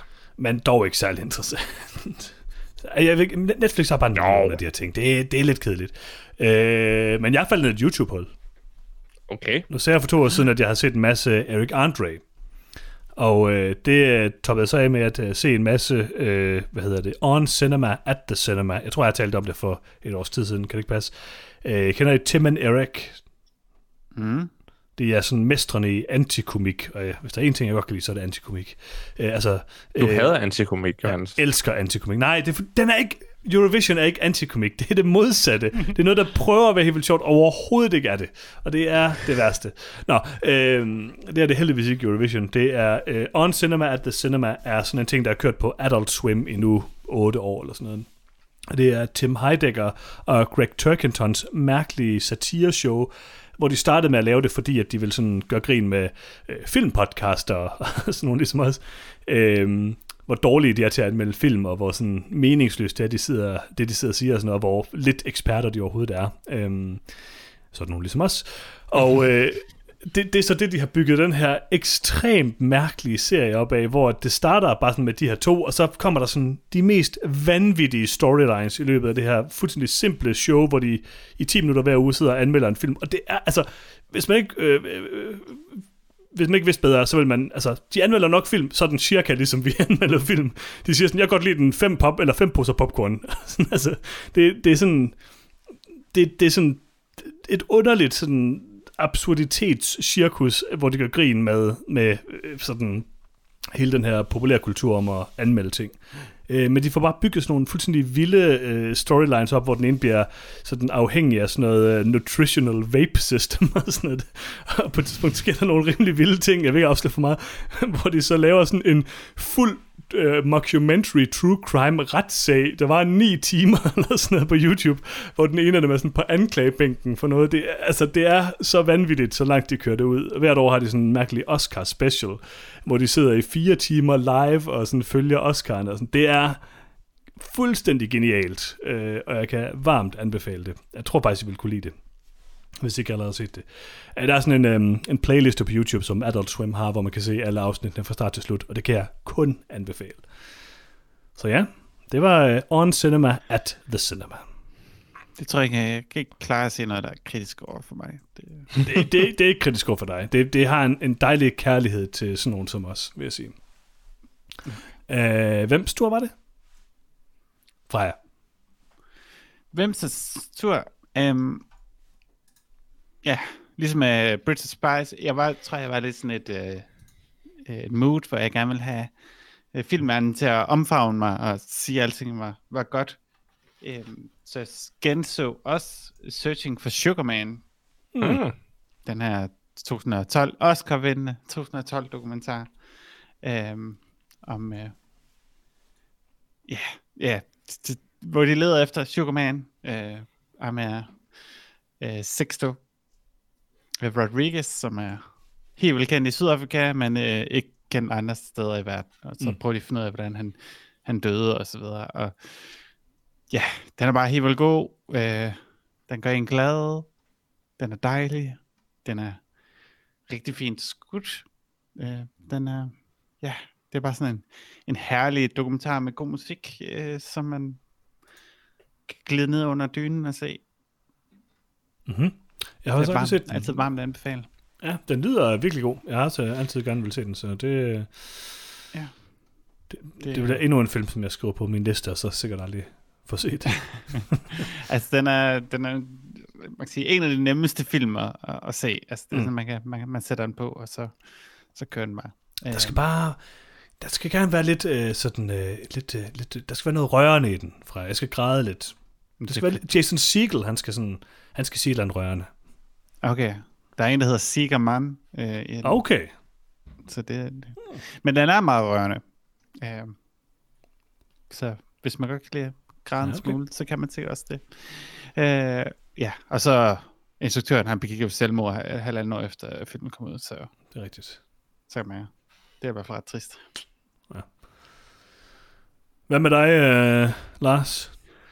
Jamen, jeg trængte også til at, at bare lige slappe lidt af, og ikke føle, at verden var helt så, øh, så stressende. Uh, så jeg har set uh, Friends Hmm. Hvor, hvor mange genset. sæsoner? uh, 10. På en uge? Uh, ej, jeg, har- jeg har brugt den, øh, den sidste, de sidste måneds tid, har jeg set uh, alle sæsoner af Friends. Er du endelig blevet træt af How I Met Your Mother, eller er det sådan en regressiv ting, hvor du er gået tilbage mentalt? Om du tager... Nej, men altså, jeg, det, igen og igen og igen ser jeg jo de her serier fra enden til anden. Okay. Der er så, Så- meget, du kunne få ud af dit liv, Lars. Så mange gode serier og film, jeg har anbefalet dig igennem tiden, Lars. Måske Ja. yeah. læse House of Leaves? Og bøger. Nå ja. Ja, øh, men øh, Friends er stadigvæk Friends. Det er stadigvæk rimelig politisk ukorrekt og forfærdeligt at se på, men mm. ah, by god, det er det er bare hyggeligt. Det er white bread. Det kunne ikke være bedre. Jeg tror, jeg så det igennem sidste gang for sådan syv år siden, seks år siden, eller sådan noget, hvor jeg også bare sådan, okay, jeg så det igennem, der var nogle ting, der var sjove, men uh, jeg føler godt nok også, tiden er, er løbet fra det, og var sådan, nu, det, det var sidste gang, jeg så det. Det kan ikke, det kan ikke klare at blive genset igen. Det er ikke særlig woke. Det, øh, det kan man ikke beskylde det for. Jeg har faktisk aldrig set uh, Friends hele vejen igennem, men jeg synes, det er meget sjovt, det set af det. Det er hyggeligt. Det er fint. det er Ja, meget der, er, der er nogle gode labs og likable karakterer, hvis det ikke var, fordi de var så racistiske og homofober. Er der nu, nu, ja. Hvis man skal være rigtig woke, så ser man jo bare de to sæsoner af Joey, fordi det er sikkert der, at øh, det er sikkert mm. godt.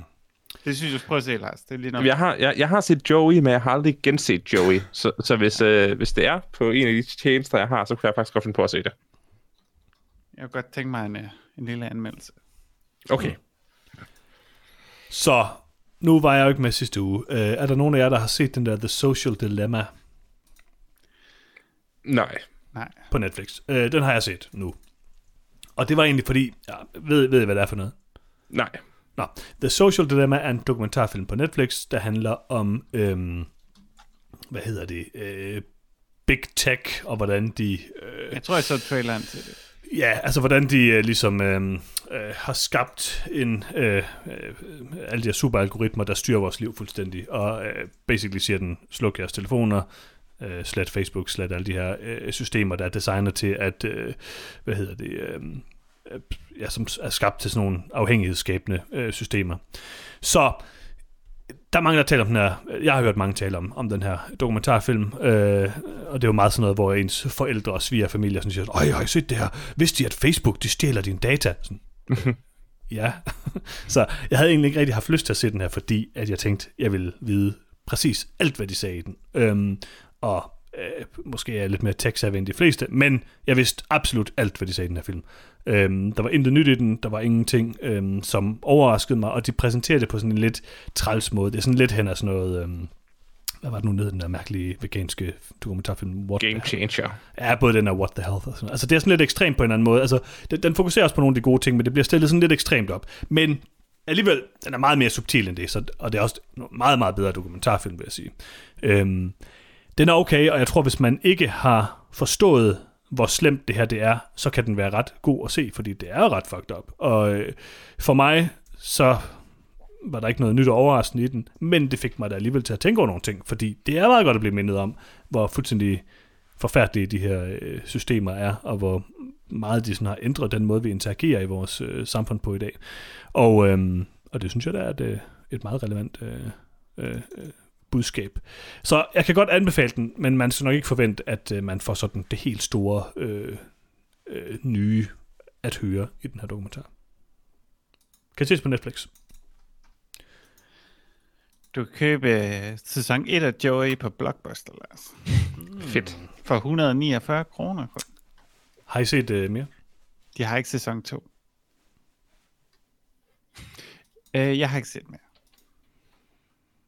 Lars? Øh, ja, ja, jamen det har jeg da. Øh, skal vi springe direkte til, til showstopperen? Jeg har det lidt som om, jeg, har det lidt som om, jeg glemmer noget. Nej, øh, nu kan jeg huske, hvad jeg glemmer. Mm. Jeg har set uh, The Boys.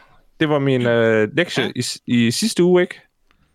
Måske. Og uh, det, jeg tror, jeg fik at vide af dig, Peter, at nu var, I, nu var I færdige med anden sæson. Okay. Og så, så ja. tænker, jeg, tænker jeg, nu måtte jeg heller også begynde at se det. Uh, så jeg har set The Boys. The Boys. Men har du set at The Boys? Uh, det hele. Hvordan har du så meget tid? Vi har lige blevet færdige med... Nej, jeg skulle lige se Friends, Friends færdig, og så så jeg lige The Boys. Okay, ja. Uh, Du siger det på sådan en meget sef-agtig måde, Lars. jamen, jeg prøver at gøre det bedre. Jeg er ked af, og, og, og, og jeg synes, jeg... Jeg tror, jeg kommer til at lyde som Johannes nu. Hmm. Men The Boys var noget af det mest meningsløse gøjl, jeg længe har set. Hmm. Det var håbløst uinteressant, og jeg var overhovedet ikke med på det. Jeg forstår virkelig ikke uh, Carl Urbans uh, mærkelige uh, Jack Sparrow-parodi. Uh, Jack Og- Sparrow. han, han spiller jo fuldstændig som Jack Sparrow. Mm, Som en fuld pirat. nej. Jo, 100% som Jack Sparrow. Uh, og så virker det ikke til, at serien overhovedet har nogen idé om, hvor den vil hen. Fordi den træder bare vande, og den udvikler sig aldrig nogensinde, fordi ingen af deres planer nogensinde fungerer. Og det er ikke en komedie, hvilket er mærkeligt, for det er rimelig sjovt, hvor inkompetent alle folk er. Uh, Det er også men, en komedie. men, men, men jeg, jeg, jeg, jeg havde indtryk af, at du godt kunne lide den, Freja. Hvad er det, jeg misforstår? Øh, det hele. Okay.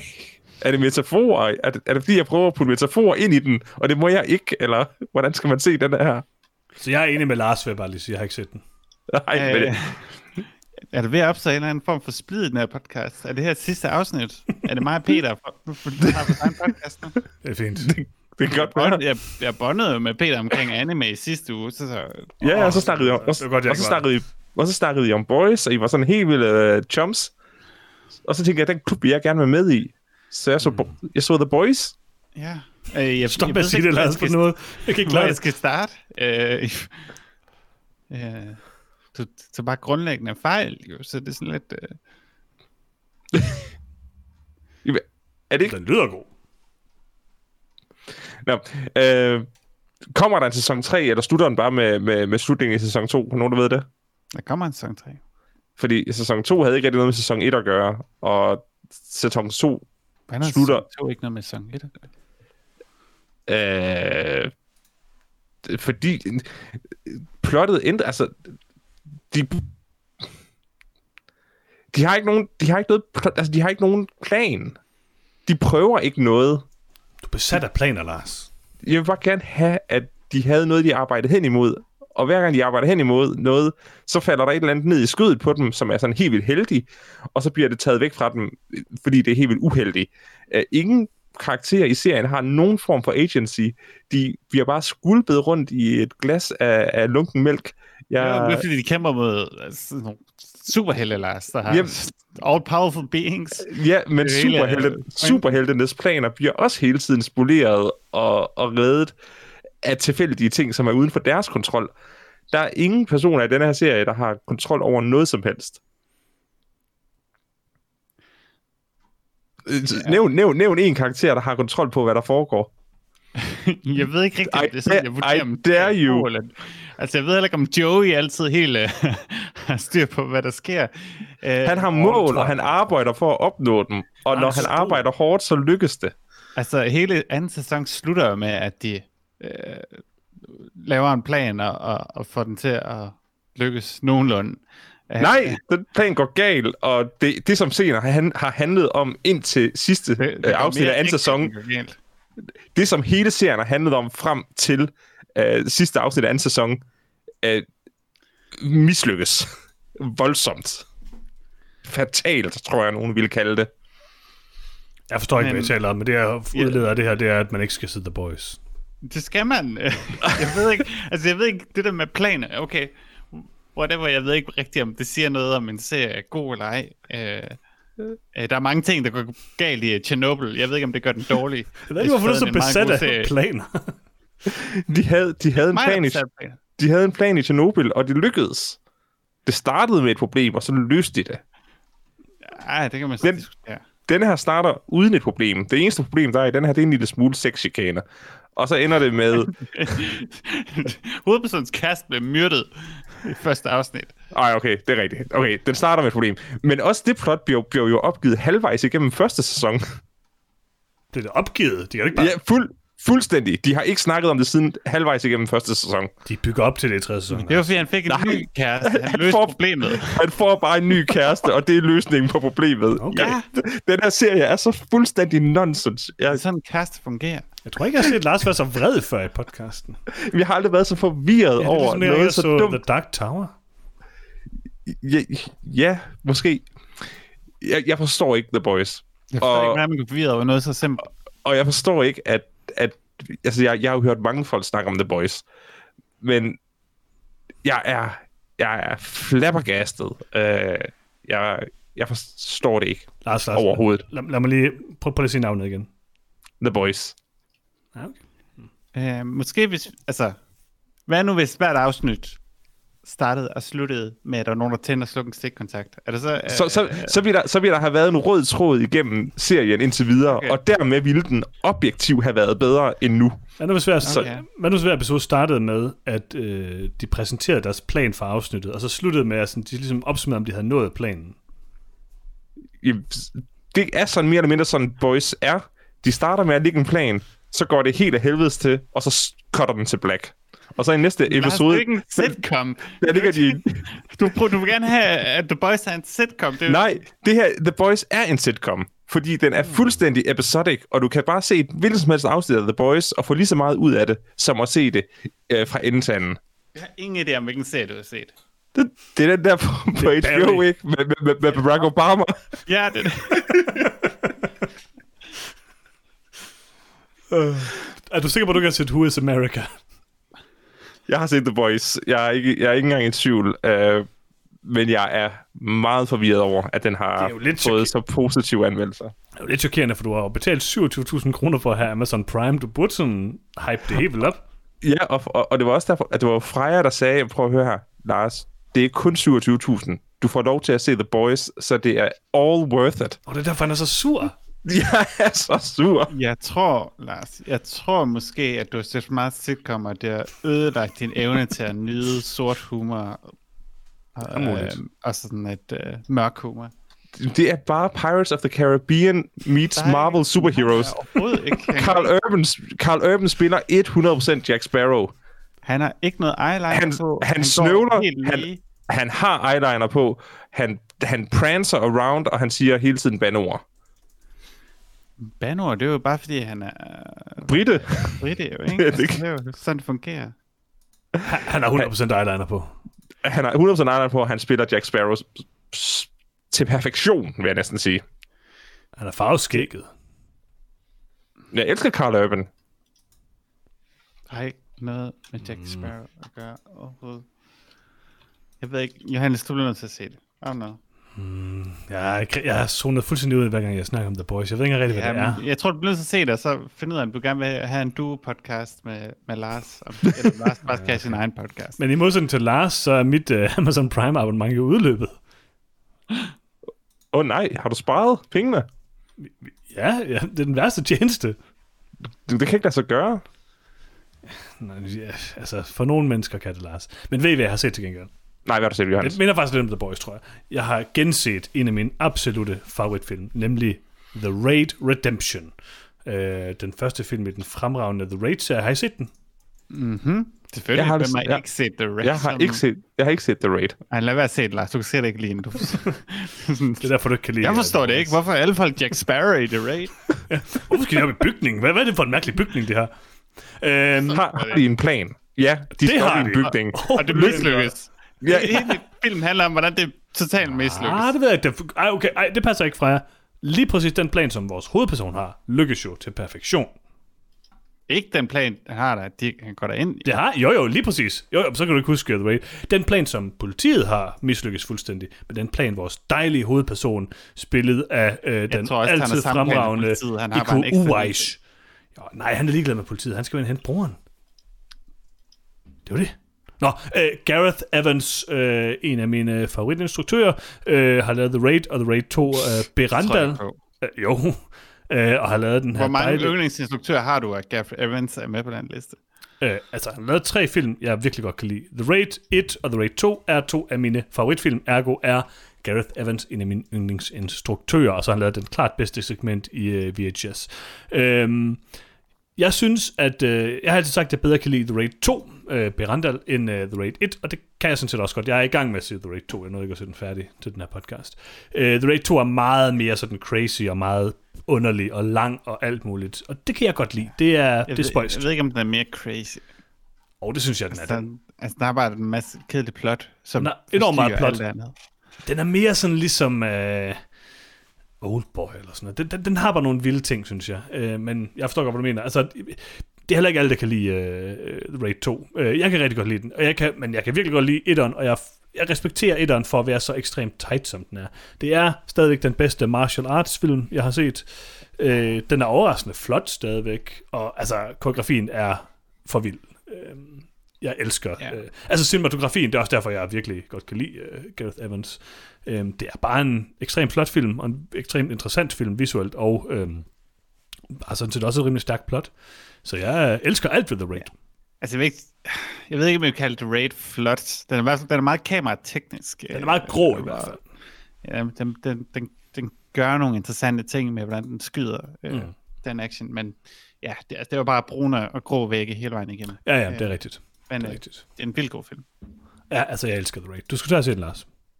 Øhm, det vil jeg også. Nej, nej, lad være. Jeg vil ikke. nej, det skal vi ikke høre. Du skal ikke se den, Lars. Okay, okay, okay. Du får ikke lov at Øh, ødelægge den. Altså, jeg har virkelig meget lyst til at dyrke øh, penkak silat efter at have genset The Raid. Det, jeg tror, jeg kunne være mega god til det. det tror jeg ikke. Ah, okay. Har I set mere? Ja, selvfølgelig. Ah, fedt. Øh, det her, det, det er så måske... Jeg ved ikke, om det tæller. Men øh, jeg har spillet øh, Vader Immortal på min, øh, på min Oculus Quest. Ja. Og det er den vildeste oplevelse, jeg nogensinde har haft cinematisk. Øh, så fungerer 3D. Øh, har, er nogen af jer, der har prøvet det? Ej, der er ikke. Okay. Det var en herlig måde at opleve en uh, Star Wars... Star Wars er i liv igen. Det er det, jeg prøver at sige. Ah, Star Wars i VR-titler er vejen frem. ah. Det kan jeg love dig for. Okay. Øhm, det, var, det var en fantastisk oplevelse at stå ansigt til ansigt med Darth Vader i... Det, det, det, var, det, det var så godt. Jeg vil, bare, jeg vil bare sige det. Jeg vil bare sige det. Det var så godt. Jamen, altså, det, det er okay. Øh, øh, øh, altså, du er lidt besat af VR lige nu, Lars, og det er også okay. Øh, du må godt elske VR. Nå. Men det sidste, jeg har set, Johannes, hvis du ikke har set mere, Jeg har ikke set mere. det ved jeg, at du vil sætte pris på. Ja, er det The Boys? Det er ikke The Boys. Okay. The Boys. Men kan du huske, at der engang var en ung fyr, der gik i en lige linje over Wales? Jeg har set det, Lars. Oh, han er nu i Han gang med tilbage. at gå over Norge. Og hvilken tur? Og hvilken tur? Da jeg hørte, at han ville, øh, ville prøve Norge, fordi det var, det var et kort at gå lige over Norge, så tænkte jeg, du dør. Mm-hmm. Uh, jeg, har kun Han er også set, overraskende tæt på. Jeg har kun fået set første part indtil videre. Oh. Anden, part, anden, anden part er kommet, øh, og den skal jeg se i aften. Uh, så det var bare lige, hvis du ikke har set det endnu, nu, Johan, så vil jeg uh, opfordre dig. Og til alle vores lyttere, gå ind og find Geo Wizard på ja. YouTube og se hans uh, straight, light, uh, straight line uh, across Norway. Uh, eller en af hans to forsøg på at gå over Wales. Det er fantastisk uh, underholdning. Altså, jeg synes, øh, der, der er plusser og minuser ved hver af dem, synes jeg. jeg. Jeg tror stadigvæk bedst, jeg kan lide... Nu har jeg jo ikke set det, det sidste endnu. Jeg har set lidt længere, end du har. Øh, Jeg synes nok stadigvæk, hans første forsøg, at det, det er så hyggeligt på en anden måde. Mm. Øhm, det bare, han går bare sådan hen over det der... Så kommer der en hæk, og så kravler han over den. Og, åh, det er bare... Det er hyggeligt. Øh, men den her, den har lidt mere drama, og det kan jeg godt lide. Øh, I hvert fald i, i nogle situationer. Øh, det er fedt. Det er, øh, som en øh, af brugerne på YouTube skrev en kommentar, det her, det er 100% hvad YouTube burde være, men overhovedet ikke er. Øh, Mm. En fyr, der bare laver en fed ting, han gerne vil lave, uden reklamer, uden alt muligt crap. Det fungerer. Jeg tror, vi skal lave vores øh, selvstændige podcast, Lars. Det kan være, det bliver nødvendigt. Peter, han ville være blevet meget sur, hvis han havde hørt, vi havde talt om den her straight line ting igen. Og Peter, han forstår ikke, hvad der er godt. Det er rigtigt. Freja, er du overhovedet ikke interesseret i at se en fyr gå i en lige linje hen over et land? Jeg hader alt, der er straight, jo, så... øh, jeg, kan, ikke- jeg kan ikke se Det er det. rigtigt. Det er selvfølgelig rigtigt. Det er selvfølgelig rigtigt. Okay. Uh, Jamen, Godt arbejde. Øh, Tak. Lad os komme videre til vores yndlingssegment, nemlig øh, nyt i nyt, tænker Altså, jeg. jeg synes heller ikke, vi snakker nok om, at uh, You Should Have uh, Left, uh, at den foregik i Wales. Altså, jeg synes, uh. Det er rigtigt, den foregår i Wales. det, jeg forstod ikke helt, hvorfor, men det gør bogen går ud fra. Ja, men øhm, altså, det- en, en ting, der var lidt Men er skuffende, de det fra var... Wales? Nej, i nej, bogen? det, nej, det er det heller ikke i filmen. Nej, nej, det, ja, det ved jeg godt. Kim Bacon ikke er fra Wales. Ja. Øh, men det kan godt være, at grunden til, at den var sat i Wales, var fordi, Nej, at karaktererne var øh, velske. Absolut. så? Hvad lige skal? Altså, nu bliver jeg lidt i tvivl om, bogen er foregår i Wales. Det ved jeg faktisk ikke. Øh, Det kan jeg ikke lige huske, om det er vigtigt. Men øh, Jeg tror bare, de havde det hus, adgang til det hus i Wales, og det er den eneste grund til, at filmen foregår jeg i tror Wales. ikke, at de siger noget om det er i Wales eller ej i bogen. Jeg kan ikke lige finde det her. De finder det i hvert fald bare på Airbnb. Ja, men det var nogle, altså, de øh, fem minutter, eller tre minutter, hvad det var, vi fik med, med sådan skud af naturen, var, Du vil have- jeg godt lide. Du vil faktisk have elsket, hvordan det er i bogen, fordi øh, i, han er i, i den øh, i, i bogen der er han øh, hvad hedder det? Der er nogle gode skud af naturen i bogen. øh, meget god skud. Nej, men der, er- han er manuskriptforfatter, og han har skrevet en sådan uh, raunchy com, der hedder Besties, og han skal prøve at skrive Okay. Besties 2, som hans uh, forlægger konstant presser ham for at få lavet færdig, og det kan han ikke finde ud af. Det er rimelig godt. Nice. Så, så er der, sådan en, der er segmenter i bogen, som er manuskriptet til Besties 2, som er den mest rædselsfulde film, der nogensinde lavet. Det, det er meget godt. Nå, nyt i nyt. Kan vi få en jingle? Nyt i nyt. Tak for det. På Netflix, der kan man se uh, Alien Worlds sæson 1 uh, serien. Den tror jeg, jeg talte om i sidste uge, gjorde jeg ikke? Jo.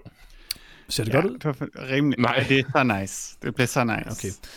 Så kan man se Ghostbusters, man kan se Muppets from Space. Uh, det kunne man da godt se igen. Ghostbusters 2, den bedste Ghostbusters. Og så kan man selvfølgelig se uh, uh, den amerikanske udgave af The Ring. Oh, den er den første. Den første. Den er faktisk meget god. Jeg vil faktisk sige, Ej, det er en- det er af en amerikanske remake, så er den faktisk meget god. Uh, Dark Water er faktisk også okay, den amerikanske. Uh, man kan også se San Andreas med uh, The Rock, hvis man har lyst til det, og det har man Ikke. højst sandsynligt ikke, tror jeg. Uh, så lad os komme hurtigt videre til film i den gode biograf, de gode danske biografer. Og uh, altså, det er ikke meget, der er Øh, man kan se... Øh, åh, hvad kan man egentlig se? Jeg ved ikke, hvad jeg skal fremhæve her. Der er virkelig ingenting. Øh, Croods 2, En ny tid. Animationsfilm. Mm. Nej. Nej, men så er der ikke andet. Honest Thief med Liam Neeson. Jeg ved ikke, om man skal gå i biografen. Det, det tror jeg ikke, jeg kan anbefale lige nu. Ikke, ikke, hvad det? Jeg, tror ikke, det, jeg tror ikke, det er risikoen værd, umiddelbart. Nej, det næste uge eller ugen efter, at øh, de rent faktisk øh, sender Wonder Woman derud. Ja. Øh, så øh, kan man øh, købe og lege forskellige ting. Og man kan nu købe øh, den spændende thriller med Russell Crowe, Unhinged, hvor der er en fyr, der bliver sur over, at en person øh, kører ind foran ham i bil, og så prøver han at myrde personen. Og øh, nej. der kan jeg lige afsløre, den skal vi anmelde lige om lidt, fordi vi har lige fået en øh, herlig screener til den. Øh, så uh. der Uh. kommer en, øh, en, øh, en øh, eksklusiv anmeldelse af Unhinged med Russell Crowe. Den, ser faktisk, den skulle faktisk være ret god. Hvad er Øhm, næste? Ah, det kan jeg ikke lige huske, det finder vi lige ud af. så kan man også øh, købe øh, Greenland, den her film, hvor Gerald Butler står og kigger op øh, på himlen hele tiden, øh, hvis man har lyst til det. Øh, så kan man, det har jeg nok snakket Den om før, skal vi anmelde. man kan den købe og lege uh, Trolls World Tour, og jeg ved ikke helt, hvorfor vi kan anmelde den endnu. Det var din yndlingsfilm sidste år fra jer. Eller i år, undskyld, det er stadig 2020. Var det Ja. Øh, man kan også se den her Fat Man med Mel Gibson, hvor han er en legemorder julemand. Øhm, jeg ved ikke lige, hvad der foregår der, men okay. Øhm, det kunne man da overveje. Der er to film med, øh, med Mel Gibson. Øh, Force of Nature kan man også se. Øh, den tror jeg faktisk også, vi har set en trailer til på et tidspunkt. Det er det der med den der... der det regner meget, og der er en lejlighed, hvor de er inde i, eller sådan noget. Gives det? Nej. Nå, Okay. Øh, Nå, med, med Gibson, Ja, ja. det var, han er i, enten i Florida eller på Cuba. Ja, lige præcis. Og så har han Hawaii-skjort på. Yes, lige præcis. Yes, det var god. Og så kan man selvfølgelig se en film, jeg har glædet mig personligt meget til. Øh, Brandmand Sam, klar til action. Eller Brandmand Sam, jeg ved ikke, hvad han hedder. Øh, klar til action. Øh, dejlig animationsbørnefilm øh, om en, en, en, en brandmand, der kører brandbil. Det ser ud som om brandbilen er levende. Og det minder mig om, jeg har set en ting mere, der glemte jeg lige at snakke om. øh, jeg har set Chuggington på Netflix. Øh, Netflix har sådan en dejlig børneafdeling, hvor man kan se ting. Og der er så Chuggington, som er sådan en, øh, en serie med sådan nogle antropomorfiske tog, som kører rundt og gør ting. Øh, og det minder rigtig, altså det er sådan ligesom, kan I huske den der mærkelige konspirationsteori, Peter har med, at øh, de der cars og planes, det er sådan en mærkelig apokalyptisk verden, hvor bilerne har spist menneskene. Mm-hmm. Det her det er sådan en mellemskridt, hvor menneskene er der stadigvæk, men det er tydeligvis togene, der har overtaget verden. Og det er meget fascinerende. Lidt uhyggeligt, vil jeg sige. Men er det ikke bare det samme som Toad Thomas? Eller? Uh, det er lidt mere uhyggeligt, vil jeg sige. Og så Chuggington sang er rimelig god. Chuggington, Chugging, Chugging, Chugging, Chugging, Chuggington. Den er rimelig god. uh, den har jeg hørt meget. Uh, jamen, det var vist det fra uh, vores yndlingssegment uh, Nyt i Nyt. Og så er vi kommet til det, som jeg tror er måske er dit yndlingssegment fra jer, nemlig uh, spørgsmål fra vores kære lyttere.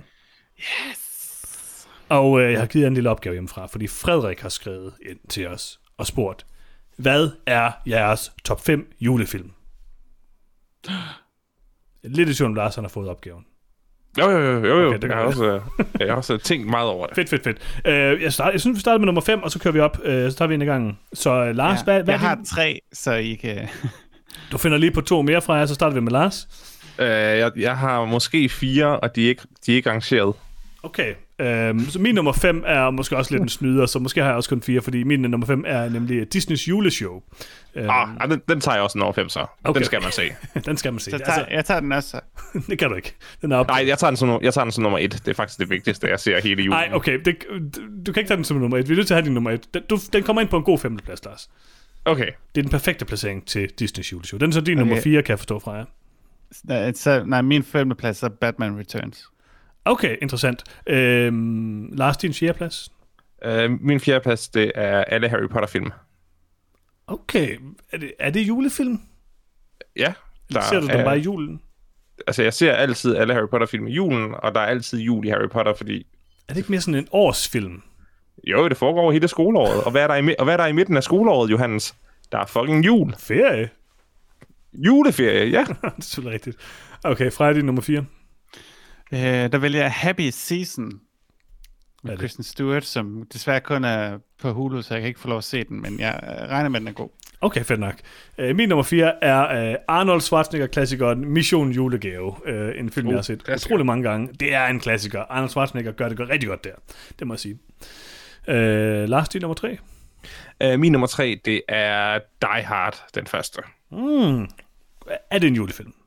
Ja, Ja. det er 100% en julefilm. Okay, fedt, fedt. Freja, din nummer 3? Øh, Jeg har Home Alone. Mm, også en klassiker. Klassisk, klassisk julefilm.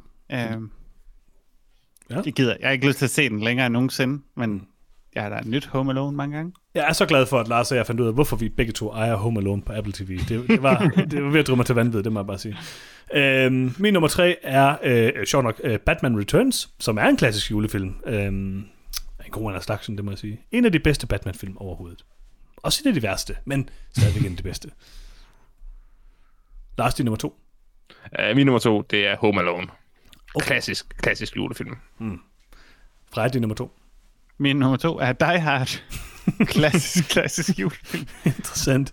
Øh, så nu kommer vi til min top 2, og der vil jeg sige, det her det er film, jeg ser hvert år til jul. Øh, det er de eneste to film, jeg ser hvert år til jul, og jeg tænker mig at gøre det igen i år. Så min nummer 2 er selvfølgelig den moderne, nyklassiker, Daddy's Home 2, med Mark Wahlberg og Will Ferrell.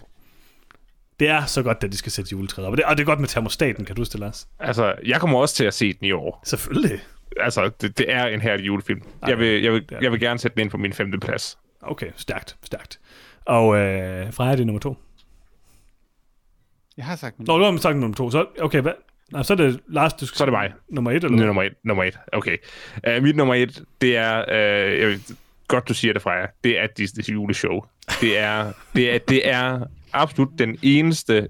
Altså det eneste filmværk, som jeg skal se hver jul, og som jeg har set hver jul i, uh, i så langt tilbage jeg kan huske. Så det må få førstepladsen på en liste. Freja. Øh, jeg ser ikke Disney's juleshow. Um, fordi jeg er voksen. Underligt. Okay. Meget underligt. øh, ej, det er hyggeligt nok. Nu, nu har jeg en lille nervøs, så kan godt være, at jeg kommer til at se det igen. Mhm. Um, min nummer et. Selvfølgelig den bedste julefilm nogensinde lavet. Mhm. Gremlins. Oh, den har jeg glemt. Det er en klassiker. Fantastisk, fantastisk Ja, det er en god film. øh, julefilm. Måske mere en nytårsfilm. komedie også. Jeg tror, Lars, jeg tror ikke, du synes, den er sjov, fordi den er sådan lidt, det er sådan en dark comedy. Det er bare, det er bare en gyserfilm. Jeg tror, jeg tror faktisk, Gremlins 1 er lidt for uhyggeligt for dig, Lars. jeg må indrømme, jeg synes, Øh, Gremlins 1 men var ja, ret uhyggeligt. Der var øh, lige siden jeg så den, dengang jeg var helt lille og meget bange for ting, øh, der synes jeg, at Mhm. Gremlins var så cool, at øh, jeg har lyst til at se den. Jeg tror ikke, jeg oplevede den var uhyggelig, fordi den bare var så sej. Men sandheden er jo, Gremlins 2 er den bedste Gremlins-film. Men det er ikke en julefilm. jo. Og det er rigtigt. Eller det, det kan jeg ikke huske. Den er god. Det er det ikke.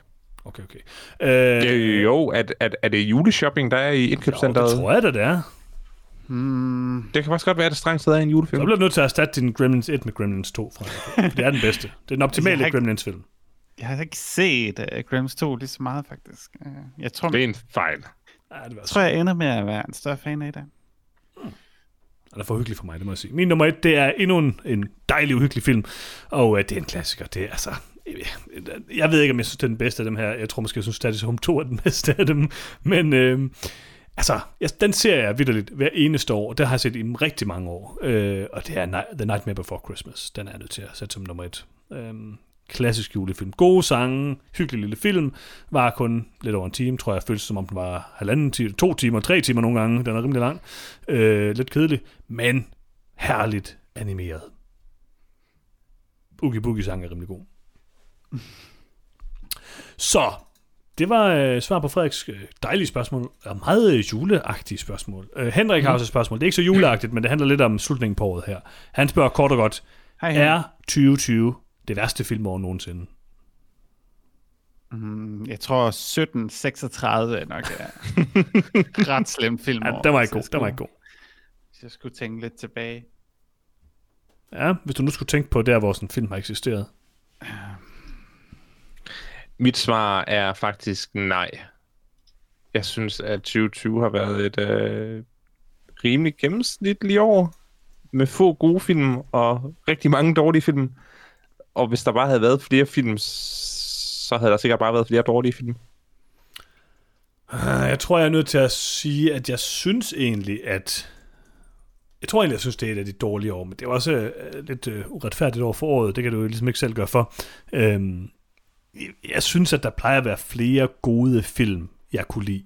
Uh, og det er der bare ikke i 2020. Der er begrænset produktion, det er begrænset udgivelse, øhm, og jeg har ikke set Tenet endnu, så øh, ja, hvem ved. Altså, nu kommer Tenet jo her midt i december. Og der siger jeg altså bare, hvis den kun kommer til køb i år, og ja. vi for eksempel ikke kan lege den, så køber vi den alle sammen, og anmelder Tenet. Nej. Det, det er vi nødt til at gøre. Jeg, jeg, prøv at det er min, øh, jeg har præ for den. Vi skal anmelde den. Du køber Tenet til os alle sammen. Du køber tændes dig selv sammen. Det lyder fornuftigt. Det er muligt, det gør jeg nok. Ej, Øhm, jeg, jeg, jeg forbeholder mig også retten til at revidere min holdning om årets film, når vi øh, kigger på årets film. ja, Altså, det vil sige, jeg har sådan et, et forholdsvis godt forhold til år, men der er også fordi, vi så, eller jeg så i hvert fald nogle af de bedste film fra sidste år i år, som Parasite og, og det er rigtigt. Jojo Rabbit. Øh, Ja, det var, det, det var også det, der jeg blev lidt snydt af, at vi har set rigtig mange gode film i år fra sidste år. Det er nemlig det. ja. Øh, altså, vi skulle jo have set Dune i år, øh, og, og andre gode ting, som vi har gået glip af. Men det kan jo ende med at betyde, at 2021 bliver, bliver rigtig god. Men, altså, Parasite, den bedste film, jeg nogensinde har lavet, den kom sidste år, så det er sådan lidt... Altså, den, den farvede også lidt mit år, fordi den så jeg rent faktisk i år. Men altså, det kan jeg bare ikke basere det her over på. Det år var lidt svagt. Ja, men øh, ja, vi ser, hvad der sk- sker være, næste år. vi- Hvis nu skal- bare øh, de der amerikanere kan finde ud af at, Mm. at sælge film i Danmark snart, så kan, du, så kan det også være, at vi kunne se noget bedre. Ja. Nu skal vi øh, jo også lige det have set Unhinged. Det kan godt være, den øh, rører helt op. Man ved. Det er muligt. Øh, sidste spørgsmål, det er fra Christian, og han skriver øh, kort og Christian. godt. Jeg tror, vi har svaret på den en del gange før, Lars, men øh, der kommer jo nye lyttere til, så lad os bare tage det op igen. Hvad er jeres yndlingsgenre? Oh. I flertal? Øhm, yndlingsgenre i flertal. Ja. Øh, jeg kan rigtig godt lide øh, sportsfilmen som genre. Jeg synes altid, den kan et eller andet. Øh, og udover det, så er det nok sci-fi. Især hvis de, får lyst, hvis de nu får lov til at interviewe sådan en sportsmand, der altid har noget rigtig intelligent at sige, ikke? Præcis. Hvad med dig, Freja? Ja, men det er også klart sci-fi, men sci-fi er også lidt en underlig genre, fordi det er jo ikke nødvendigvis en genre i sig selv. Øhm, det er bare lidt en æstetik af... En, øh, Nej, jeg synes, det er en genre. Jo, men det kan jo både være en gyser eller en actionfilm, eller er rigtigt. øh, hvad som helst andet. Øh, og man kan sige, at de helt basale genre, så er det jo nok action i sidste ende, der tiltaler mig mest. Jeg tror i hvert fald, det jeg glæder mig mest til at, til at se. Øh, Mm. Men altså, hvis man tager sådan en type, så er det, så er det helt klart sci-fi. Altså for mig så er det øh, selvfølgelig nok ikke overraskende horror, og jeg tror dokumentarfilm er nok de to ting, jeg er gladest for. Men altså alt, hvad der hedder sci-fi, om det er sådan en genre eller thrillers, er også mig. Generelt sådan en ting, der har et mysterie eller et øh, twist, er jeg svært glad for, om det så er dokumentarfilm, gyserfilm eller thrillers eller sci-fi. Ja, sci-fi er jo det, der får mig til at se gysfilm. Det er Altså, rigtigt. det har altid været, været min mening, at der er ingen grund til at være bange, medmindre du er på et rumskib. Altså, det, Ja. det, det synes jeg, vi skal have sådan en tomfingerregel i forhold til at lave film. Men jeg vil dog sige, hvis jeg kigger på sådan min topliste over de bedste film, jeg nogensinde har set, så er det jo nok primært faktisk dramafilm et eller andet sted, så øhm, ja, det er jo svært at sige. Hvis jeg sådan skal vælge en genre, nu vil jeg bare gerne underholde, så er det nok en horrorfilm eller en dokumentarfilm, men, øh, men sådan, de største film, jeg nogensinde har set, ligger vel primært inden for drama, tror jeg. Klaas Banks uh, Dracula på Netflix. Ja, øh, men den kan jeg ikke vurdere som en film, for jeg så den ikke ud i et. Nå nej, det kun Peter, der kan... Det, altså, hvis han gør det, han har jo ikke, han har jo ikke set den ud i et. Så er han nødt til at se den igen ud i et, hvis han skal nominere den til årets film. Okay. Der er nok. Ja, jamen jeg tror, det var det, vi havde valgt at bringe i denne episode af Noget om Film. Jeg tror ikke, vi har mere tilbage, har vi? Øh, ikke andet end, at vi da lige skal høre, øh, øh, hvor man kan finde os, og hvad man skal gøre, Lars. Ja, take it away, Freja. Nå, det er rigtigt, ja. Take it away, Johannes. Øh, jamen, jeg, jeg synes da, at øh, man skal lytte til os, hvis man har lyst til det. Øh, hvis man nu for eksempel hører den her podcast, så har man jo nok lyttet til os, i hvert fald i halvanden time. Men hvis du vil lytte til mere, så kan du jo subscribe og like og gå ind og, add os på alle dine favorit podcast tjenester. Du kan for eksempel måske downloade tre forskellige podcast tjenester, og så downloade det på dem alle sammen. Så får vi tre downloads frem for en. Det ville være ret godt for os, tænker jeg umiddelbart. Hvis alle gjorde det, så ville vi jo faktisk tredoble vores lyttertal. Øhm, Mhm. Og det tror jeg virkelig er det, det handler om. Det hele. Det er det. Så øh, tak fordi I lyttede med, og i næste episode så anmelder vi noget, vi ikke ved endnu, så det finder vi ud af. Men det bliver spændende, det er jeg helt sikker på. Måske unhid- unhinged, det kan jeg ikke lige huske, for det kan jeg ikke huske, hvornår de her koder virker fra. Det finder jeg ud af. Jeg, jeg vil gerne se Happy Season. Hvorfor må jeg ikke se Happy Season? Du er velkommen til at gøre præcis, hvad du vil i din fritid, men når du er på arbejde, Freja, så ser du Unhinged med Russell Crowe.